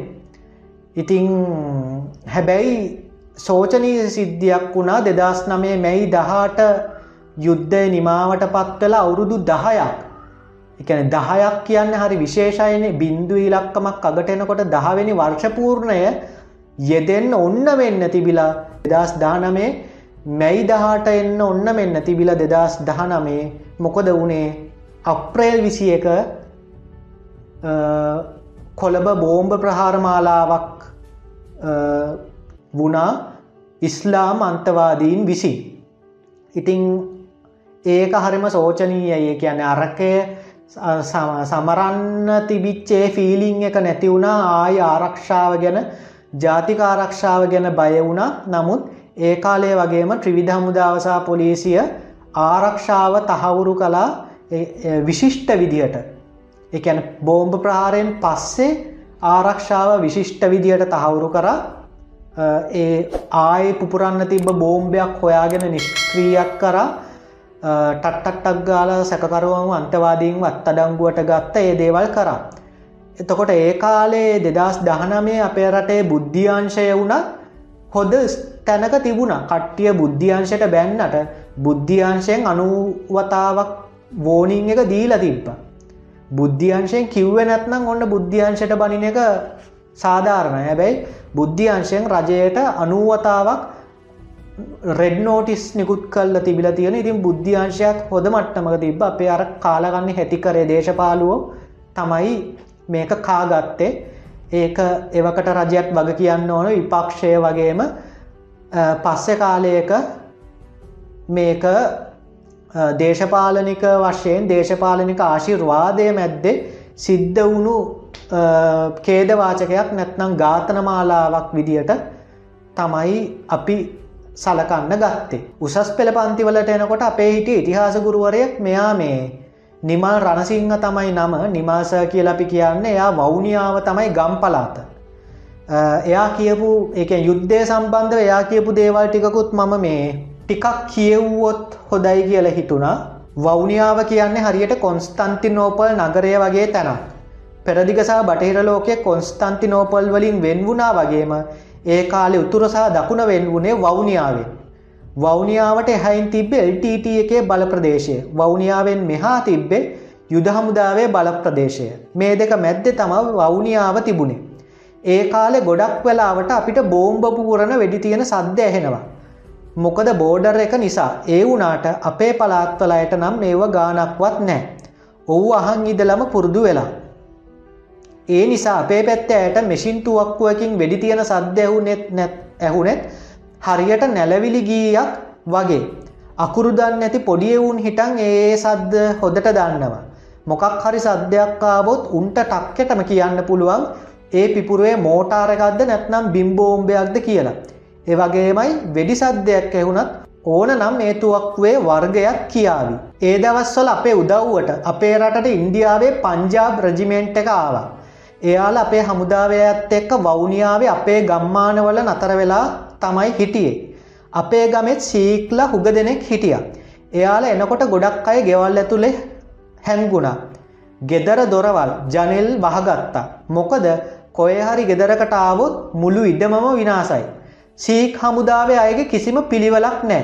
මූුණු එහෙම දකින්නත් බයයි. අනික ලෝකයේ අනිත් හමුදාවල් වල අයත් එක්ක බැලුවොත් සම්පූර්ණයම වෙනස්.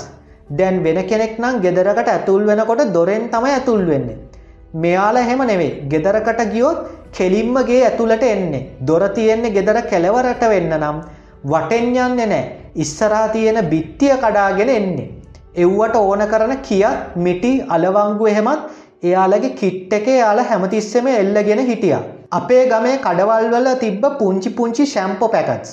දවස් දෙකතුන යනකොට එව්ව ඉවර වෙන්න ගත්තා. පස්සේ ආරංචියක්කාව සීක් හමුදාවයයි ශැම්පෝ පැකට්ස් බොනව කියලා. පස්සෙ තමයි අපේ අයට කාරණාව තේරුණේ ඒවායි පිටිපස්ස ලියල තියෙනවන ඒකට දාලා තියෙන්නේ මොනවද කියලා. උන් ඒකේ එක්ස් කියලා ලියල තියෙන එක දැකලා හිතල තියෙන්නේ බිත්තර සාරු කියලා. ඉතින් සීක් හමුදාවය මොකද කරලා තියෙන්නේ ශැම්පෝ පැකට් අරගෙන බීලා. සීක් හමුදාවය හරිම අප්‍රසන්නයි ලගින් යන්න බෑ හෙන ගදයි. අපේ හමුදාවය අය හරිම පිරිසිදුයි. ඉතිං අපේ හමුදාවය අය කරන්නේ උදේ නැගිට්ට ගමන් තමන්ගේ තුවක්කුව කලීන් කරන එක. ඊට පස්සේ හොදට නානව ඇදුම් හෝදනව පිළිවෙලකට අදිනව. ඔව්ව බලංගන්න සීක්ලට හරියට මැජික්. උන් අවුරුදු ගණන් ඉන්දියාවේ බෝඩර්ස් වල අව්වට වේලිවේලි කරවෙවී හිටපුූන්. අවුරුදු ගානකින් නාලනෑ මෙව්ව දැකලා උන් ඔක්කොම දවසක් අපේ ගමේ ගගෙන් නෑවා. ගගේ වතුර හරි පිරිසිදුවට තිබ්බේ හැබැයි අරුම් ඔක්කොම එකෙන් නාල ගොඩට ඇවිල්ල පැයක් ගියන ගගේ වතුර ඔක්කොම ටික මඩම මඩ පාටට හැරුණා. ගගේ පතුල එහෙම් පිටිම්ම වැහිල ගිය. සති ගානක් ගියා ගගේ වතුර ටික ආය පිරිසිදු වෙන්න. ඒ සති ගාන යනකං ගමේ එකෙක්වත් මොනම හේතුවක් නිසාවත් ගගට බැස්සෙ නෑ. ඉතිං ඔන්න ඔය වගේ දෙයක් තමයි අප ඉතිහාසේසර් කිව්වේ. ඒ ලිපියත් හරි රසවත්. පුළුවන්නම් බලන්න මේ මං පහලෙන් ලිංක එක දාන්න. ඉට පස අපේ ගමෙත් මට මතකයි මට වඩා අවුරුද්දක් වැඩිමල් කෙනෙක් ආමියක ඉදල යාට වෙඩි වැදුනා. කාලයක් ආබාධිත තත්ත්වය හිටිය. අය කියන්නේ වෙඩි වැදිලා කකුලට එහෙම්මම හමුදාවෙන් විශ්‍රාම ගියා. ආබාධිතව හිටිය කාලයක් මට මතකයි. මහිතන සාමාන්‍ය සෙබල තනතුරේ තමයි හිටියේ. පුදුගුරු ඉරිප්පුවල ඔය පැනල එන දෙමල සිවිල් මිනිස්සුන්ට උදව් කර කර ඉන්නකොට ඈත ඉදලා එල්ටට එකෙන් තිබ්බ වෙඩිල්ලකට තමයි එයා ගොදුරු වුණේ. ඉට පස්සේ ලුතිනන් දමිත බණ්ඩාර ජයසය කර ගැන මම වීඩියෝ දෙකකින් මතක් කරා. ලුතිනන් දමිත බණ්ඩාර ජයසය කර ගැන කවුද කියලා. මේ වෙනකොට අපේ වැඩසටහන් දිගටම බලාගෙන අපපු කට්ටේ විශේෂයෙන්ම එකෝමත් එක කාලෙක සීරීස් එක බලපු කට්ටිය හොදට දන්න ඇති. ඉතින් ඒ වැඩසටහන සහ ශ්‍රී ලංකා යුද හමුදාව සම්බන්ධව කරපු වැඩසටහන් ඒවායිලිං සුත් මං පහලින් දානෝ. නැත්නම් මේ වැඩසටාන අවසානයත් එව්වා ඕගොලොන්ට දැකගන්න පුළුවන් ඒ වීඩියෝ ටික. අපේ අම්මගේ ලොකු අක්කා. එයාගේ මහත්මයා ඒ කියන අපේ ලොකු තාත්ත වැඩ කරේ කොළොන්නාව තෙල්පිරි පහදු මූලස්ථානයේ අවුරුදු ගාන එතකොට තෙල් ටැන්කි ළඟම තියෙන කවාටර්ස් වල තමයි අපේ ලොකු අම්ම ඒ ලොකු තාත්ත නතර වෙලා හිටියේ. ඉතින් ඒගොල්ලෝ ඔය ගුවන් ප්‍රහාර මාලාවන් වලට මූුණදීලා තියෙනවා වගේම එක අවුරුද්දු එක්දස් නමසේ අසුව දශකය මට මතක විදියට අසුව දශකයේ ෆුට් සෝජස්ලා මොබයි සෝජස්ලා කියන්නේ පාබල uh, සෙබුලු LTT එක අය ප්‍රහාරයක් කෙල්ල කරා ඇතුල්ටම ඇවිදගෙන ඇවිල්ලා. ඉතින් එව්වටත් මුහුණදීපු කට්ටිය බෝම්භ ප්‍රහාර මංහිතන්න තුන හතරකින් බේරිච්ච කට්ටිය uh, තෙල්පිරි පහදු මූලස්ථානය ළගම ඉතිං එකන ඇතුළෙම ඉදගෙන ටෙල් ටැන්කි ළගම ඉතිං uh, මට මතක ඉස්සර වුණත් අපි ලොකු අම්මල බලන්න යනකොට ප්‍රධාන ගේට් එක ඉදලා අපේ ලොකු අම්මලාගේ කාටස් එක තිබ්බ හෙන ඇත ඒ යනකම්ම තත්පර විස්සෙන් විස්සට නවත්තනෝ හමුදාවෙන් අත දදා ඉතිං අපි ලොකුතාත්තක නම කියන්න ඕන. එකන මුලින්ම අපි ලොකු අම්මලාට කියන්න ඕන එනවා කියල. එතකොට යාල ගේට්ටුවට දැනුම් දෙනවා. ඊට පස්සේ ඒ දැනුම් දීලත් ගේට්ටුවෙන් පොච්චෙක් කල්ල තමයි අපි වැතුල්ටරන් ඒ දැනුම් දීලත් කවාටර්ස් පැත්තට යනකම්ම තප්පර තිහෙන් තියට වගේ ආමියකෙන් අතදදා නවත්තලා අහනවා කොහාටද යන්න? කියලා. ඒවගේම තම අපේ තාත්තා සම්බන්ධ සිද්ධියකුත් තියෙනවා. එකක් කියලම වැඩසටාන අවසං කරන්න තාත්තක සිද්ධිය ගැන කියනවනං එක්දස් නමසේ අනු එකවුරුද්ධ තාත්තා කොහුවල හිටියේ? එතකොට බැඳල නැහැ. එතකොට ඒ කොහුවල පාරේ එක්තර අමාත්‍යවරයෙක් හැමදිස්සම යනවා. ඒ අමාත්‍යවරයා යන වෙලාවට හන්දිවලින් ඒ පැත්තේ ඔක්කෝම වාහන ටික නවත්තලා මුළු පාරම ඒ අමාත්‍යවරයාගේ රත පෙළපාලියට යන්න ඉඩ සලස්වනෝ. ඉතින් තාත්තගේ පුරුද්දක් තියෙනවා හැමදාම ඒ අමාත්‍යවරය එන වෙලා බලල රැක්කල ඉදල එකන් පාර කලිය කල්ලන තියෙන්නේ අමාත්‍යවරයාගේ වාහන ටික යනවා යන්න දීල ඒ යනවත් එක්කම පොලිසියෙක් කට්ටිය අර සාමාන්‍ය මිනිස්සුන්ගේ වාහනවලට යන්න කියනවත් එක්කම අපේ තාත්ත ටක්ගාල යනවා. අර වාහන එකන් සාමාන්‍ය පුරවැසියන්ගේ වාහන යන්න පටන් ගන්න කලින්. අතකොට පාරකලිය අර රත පෙළපාලි ඉතා වේගෙන් ඇදීගෙන යනවා. අපේ තාත්තත් බයිසි කළේ ඉතා වේගෙන් ඒ ඒ රත පෙළපාලිය පිටි පස්සෙන්ම යනවා. එහෙම පුරුද්දක් තිබිල තියෙනවා. හැබැයි දවසක් එහෙම රැකගෙන ඉන්නකොට පොඩි නැන්දා මොකකට හරි තාත්තට කතා කල්ල තාත් ඇතුල්ට ගිය. ඊට පස්සේ ඒ ෂනයෙන්ම රත පෙළපාලිය ගිහිල්ල තියනෝ පාරහරහා ඊට පස්සේ පාරාරාගිල්ල බොහොම සුළු වෙලාවකින් විශාල පිපුරුම් සද්‍යයක් එක්ක දෙදරීමක් ඇති වෙලා තියනවා. මොකද වෙලා තියෙන රිමෝට් කොන්ට්‍රෝල් බෝම්බයක් පුපුරලා ගිහිල්ල තියෙනවා. රත පෙළපාලිය විනාශයට පත්වෙලා අමාත්‍යවර ජීවිතක්ෂයට පත්වෙලා තියෙනවා. රංජන් විජේරත්න වගේ නමක් තමයි මට මතක තාත්ත කිව්වේ. ඉතින් රංජන් විජයරත්න අමාත්‍යවරය. එතකොට දැන්න පොඩි නැන්දා තාත්තගේ ගමනට බාධා කරය නැත්නම් තාත්තත් එයා එක්කම යනවා. එතකොට ඒ ප්‍රහාරයට තාත්තත් අහු වෙනවා. තාත්තත් මැරෙනවා. සහ අද මෙහෙම YouTube චැනල්ලයක් කරන්න සහ මේ වගේ වැඩසටානක් කරන්න මමත් නෑ මේ වගේ වැඩසටානක් වෙන්නෙත් නෑ ඉතිං ඒක ඇවිල වෙලාව. ටයිම් ලයින් එකක් අපි හැමෝටම එක ඒක වෙලාවක් ටයිම් ලයින් එකක් කාලරේකාවත් තියෙනවා. ඉතින් ඒ වෙලාව තමයි. ඉතින් ඔන්න ඔහොම තමයි මගේ මතකය ඒයනේ මේ LTT සම්බන්ධව තිබිච්ච මේ යුද්ධ සම්බන්ධව. මොකද අපි කොළඹ දිස්ට්‍රික්කේ නගර සීමාවන් වල හිටපු අය නිසා අපිට ඒ පැතිවල ඉන්න හිටපු අය තරම් බිහිසුණු අති බිහිසුණු අත්දැකීම් නෑ සාපේක්ෂව තිබ්බට හැබැයි දැම්මන් ඒ වගේ පලාත ගිටියනම් දැන්ටමත් මේ වැඩ සටානත් මහිතන පැයක් පටිගත වුණා පෑකට වැඩි. ඒ වගේ පැත්ත ගිටියන මහිතන පෑ දහයක් පැය විස්සක් විතර කියන්න කරුණු තියෙනවා. ඉතින් මගේ මතකේ තමයි මං මේ කිව්වේ. ඉතිං දෙදස් නමේ වෙනකොට හය හතර නොතේරෙන වයස්වල හිටපු අයින්න ඕන දෙදස් නමේ පස්සේ පදිච්චයින්න ඕන එයාලට යම් අදහසක් ගන්න පුළුවන්. ඒ කාලෙ කොළඹ සීමාවන් වල තිබ්බ මොනවගේ තත්ත්වයක්ද කියලා. ඉතිං ත්‍රිවිධ හමුදාවට පොලිසියට සිවේසේව ආරක්ෂක බලකායට දේශපාලන නායකත්වය දීපුසා සාමය වෙනුවෙන් සාමය වැඩකටයුතු කරපු කල්පනාකාරීව සුපරික්ෂාකාරීව හිටපු ඒ ආරක්ෂකංශවලින් දෙන නිවේදන පිළිපැදපු සාමය වෙනුවෙන් කටයුතු කරපු සාමය ප්‍රාර්ථනා කරපු සෑම සියලු සිවිල් පුරවැසියෙක්ටම පොලිසිය සිවිල් සේවාරක්ෂක බලකා ඇතුළුව ඒ හැමෝටම මේකේ ගෞරවය යන්න ඕන මේක කණ්ඩායම් වැඩක්. අර බින්දු බින්දු වතුර එකතු වෙලා ලොකු ගගක් හැදෙනවා වගේ පුරුක් පුරුක් එකතු වෙලා ලොකු චේන් එකක් හැදෙනවා වගේ තමයි ඉතින් කණ්ඩායම් වැඩක්. එක්කෙනෙක්ට විතරක් මේක ක්‍රෙඩිට් එක දෙන්න බෑ. ජනාධිපතිවරයට විතරක් ක්‍රෙඩිට්ක දෙන්න බෑ හමුදාපතිවරයට විතරක් ක්‍රෙඩිට් දෙන්න බෑ. කණ්ඩායම් වැඩ ඉතින් ඒ නිසා ඒ අරමං කියපු ප්‍රධානකුලකේ හැමෝටම ඒක ක්‍රෙඩිට් එක යන්න ඕන. හැබැයි දෙදස් දෙගේ අරගලය කාලේ විශේෂයම මාර්තු සිට අගෝස්තු දක්වා කාලසීමාවේ ත්‍රිවිධ මුදාවේසා පොලිසිය යම් යම් ක්‍රියා කලාපයන් දෝෂදර්ශනයට ලක්වුණා ඒ සම්බන්ධව මටත් විවේචන තියෙනවා. කියැනේ එයාලගේ ක්‍රියාවන් විවේචනය කරපු එක සම්බන්ධව නෙමේ එයාලා වැඩකටයුතු කරපු එක සම්බන්ධව. නමුත් ඒක අමතක කරොත් මේ වැඩ සටානට අයිති වෙන්නේ LTT කාලය. ඉතිං එයාලා කරපු කැපවීම අපිට අමතක නෑ. යුද අපරාධ ගත්තාම යුද්ධයක් කියන්න කොහොමත් අපරාධ සිද්ධ වෙනවා. ඒක ත්‍රස්තවාදීන්ගේ පැත්තෙන් කොහොමත්වනවා රජය පාශවයනුත් අපරාධ වෙනු. යුද අපරාධයක් සිද්ධ නොවෙන යුද්ධයක් මේ ලෝකයේ කොහෙවත්ම නෑ මේ ඕනෑම රටක ඒක වෙනවා. ඉතින් අපේ රටෙත් ඔය යුද අපරාධ චෝදනා තියෙනවා අපි හදවතින් පිළිගන්න එව්ව කැමති නෑ නමුත් යුදහම් අපරාධ නොවනා කියන්න බෑ මොකොද ඕනෑම යුද්ධයකදී එව්ව වෙන නිසා.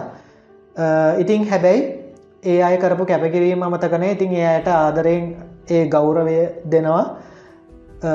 ඒ වගේම දෙදස් විසි දෙගේ අරගලය කාලේ ත්‍රවිධ හමුදාව සම්බන්ධව මගේ තිබ්බ අදහස් මං පහලින් වීඩිය එකක කියන ඒ වීඩියෝ එක බැලුවන අදහස් මම වෙනම වීඩියෝ එකකින් කිව්වා.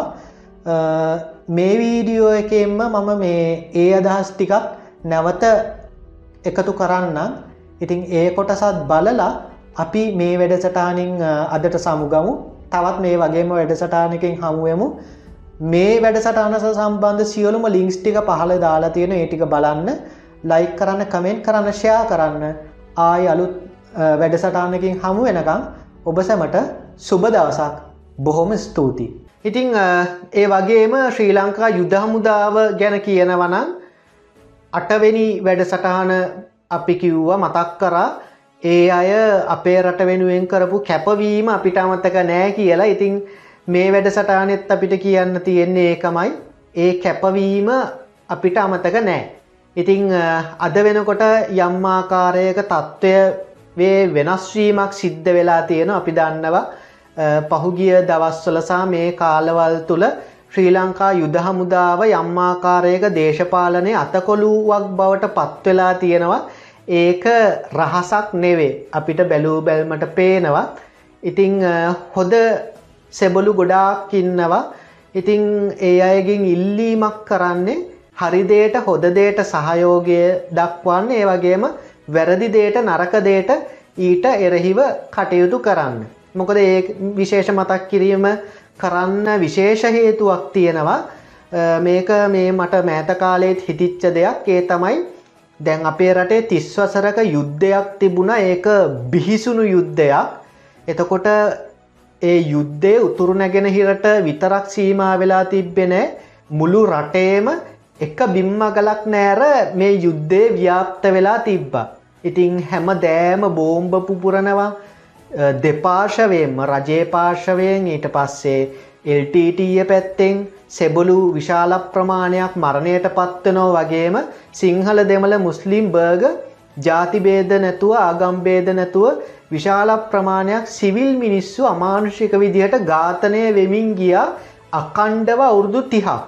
අවුරුදු තිහක් කියන්නේ ලේසි පාසු කාලයක් නෙමේ එතකොට දැන් අපේ රටේ ත්‍රිවිධ හමුදාව ඊට පස්සේ පොලිසිය සිවිල් සේවා ආරක්ෂක බලකාය ඒ කරපු කැපකිරීම අපේ වැඩිහිටියොන්ට මතකයි අපේ වැඩිහිටි පරම්පරාව හොදටම දන්නවා. ඒවගේම අපේ පරම්පරාවත් ඒ කැපකිරීම සම්බන්ධ විශේෂයම ශ්‍රී ලංකා යුද්ධ හමුදාව මොනතරං කැපකිරීමක් කරාද කියන එක දන්නවා.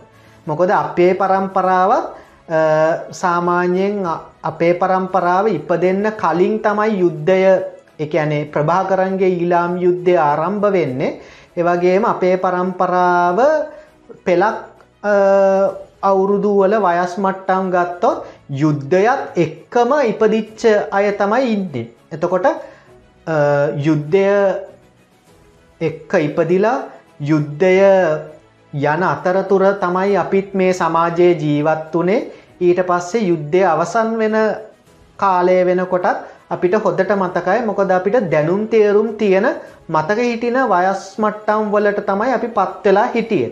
හැබැයි දෙදාහෙන් පස්සේ ඉපදුණු අයට මේ යුද්ධය සම්බන්ධව අත්දැකීම් මේ අමිහිරි කටුක අත්දැකීම් සම්බන්ධව මතකය අල්පයි. ඊට පස්සේ දෙදාහෙන් පස්සේකත් අපි තව ටිකක් ඈතට ගත්තොත් දෙදස් පහෙන් පස්ස ඉපදුණු අයට ඒගොල්ලෝ යුද්ධය ඉවර වෙනකොට ඒගොලොන්ට අවුරුදු තුනක් හතරක් වගේ කියන්නේ මේ සමාජයේ තිබ්බ ඒ දේශපාලනික වටපිටාව පරිසරය සම්බන්ධව මතකයක් නෑ. නැත්නම් මතකය අඩුයි. ඒ වගේම තමයි යුද්ධය අවසන් වෙන්නේ දෙදස් නමේ එතකොට දෙදස් නමේ ඉපදුණු අයට දෙදස් දහයෙන් පස්ස ඉපදුණු අයට ඒගොල්ලොම් යුද්ධය සම්බන්ධ ඒගොල්ලො දන්නේ නෑ. ඉතින් ඒක හොදයි ඒ අත්දැකීම ඒගොල්ලොන්ට විදින්න නැතිවුණු එක සම්බන්ධව මොකොද ඒගොල්ලො වාසනාවන්තයි හැබැයි ඒගොල්ලොන්ට ඒ අත්දැකීම නැතිවුණු නිසා ඒ අත්දැකීම සම්බන්ධ ඒගොලො දන් නැති නිසා ඒගොල්ලොන්ට අපි තරම් වැටහීමක් නෑ ශ්‍රී ලංකා යුද්ධ හමුදාව සහ අපේ රට ත්‍රවිධ හමුදාව පොලිසිය සිවිසේවා ආරක්ෂක බලකායේ අවශ්‍යතාවය සම්බන්ධව සහ ඒ අය අපේ රට වෙනුවෙන් කරපු කැපවීම සම්බන්ධව. ඉතින් අන්න ඒ නිසා තමයි ශ්‍රී ලංකා යුද හමුදාව ඇතුළු මේ ත්‍රිවිධ හමුදාවන් වලට අරවිදිහ මතක් කිරීමක් කරේ මොකද ඉදිරි පරම්පරාවල් මේ දේවල් සම්බන්ධව දන්නේ නෑ ඒ නිසා ඒ අයට ඔගොලොන්ගේ අගය යටපත් වෙලා දෙන්න යන්න එපා.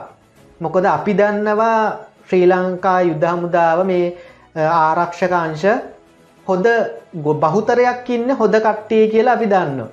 හැබැයි වර්තමාන පරම්පරාවට ඒ අත්දැකීම ටිකක් අඩුයි මොකද අරගලය කාලෙ දෙදස් විස් දෙක අරගලය කාලෙ ශ්‍රී ලංකා යුදහමුදාව සහ අනෙකුත් ආරක්ෂකාංශ විසින් අම යම් යම් පිරිස් විසින් අමානුෂික විදියට සලකපු නිසා සිවිල් ජනතාවට පුරවැසියන්ට අපිට ඒ පරම්පරාවන් හිතන් ඉන්නේ මේ ආරක්ෂකංශ ඔක්කොම මේ හොඳම නෑ කියලා. ඉතින් ඒ තත්ත්වයට යන්න දෙන්න එපා මොකද ඔගොල්ලොන්ට අපෙන් පස්සෙත් ගණු දෙනු කරන්න වෙන්න අපේ පස්සෙ පරම්පරාවන් එක්ක ඉතින් ඒ නිසා තමන්ගේ තත්ත්වය ගෞරවය නම්බුව විනය ඒ වගේම රටේ සියවිල් ජනතාවගෙන් ඕගොල්ලොන්ට ලැබෙන ආදරය ඒ හැමදේම ඔගොල්ලො ආරක්ෂා කරන්න වග බලා ගන්න ඕන. කොයිම වෙලාගත් දේශපාලුවන්ගේ අතකොළුවක් වෙන්න එපා. ආරක්ෂක අංශසා සිවිල් පුරවැසියන් වෙන අපි හැමතිස්සෙම සමගියෙන් ඉන්න ඕන. අපි අසමගි වෙන තාක්කල් දේශපාලුවන්ට තමයි ඒක වාසිය යන්නේ.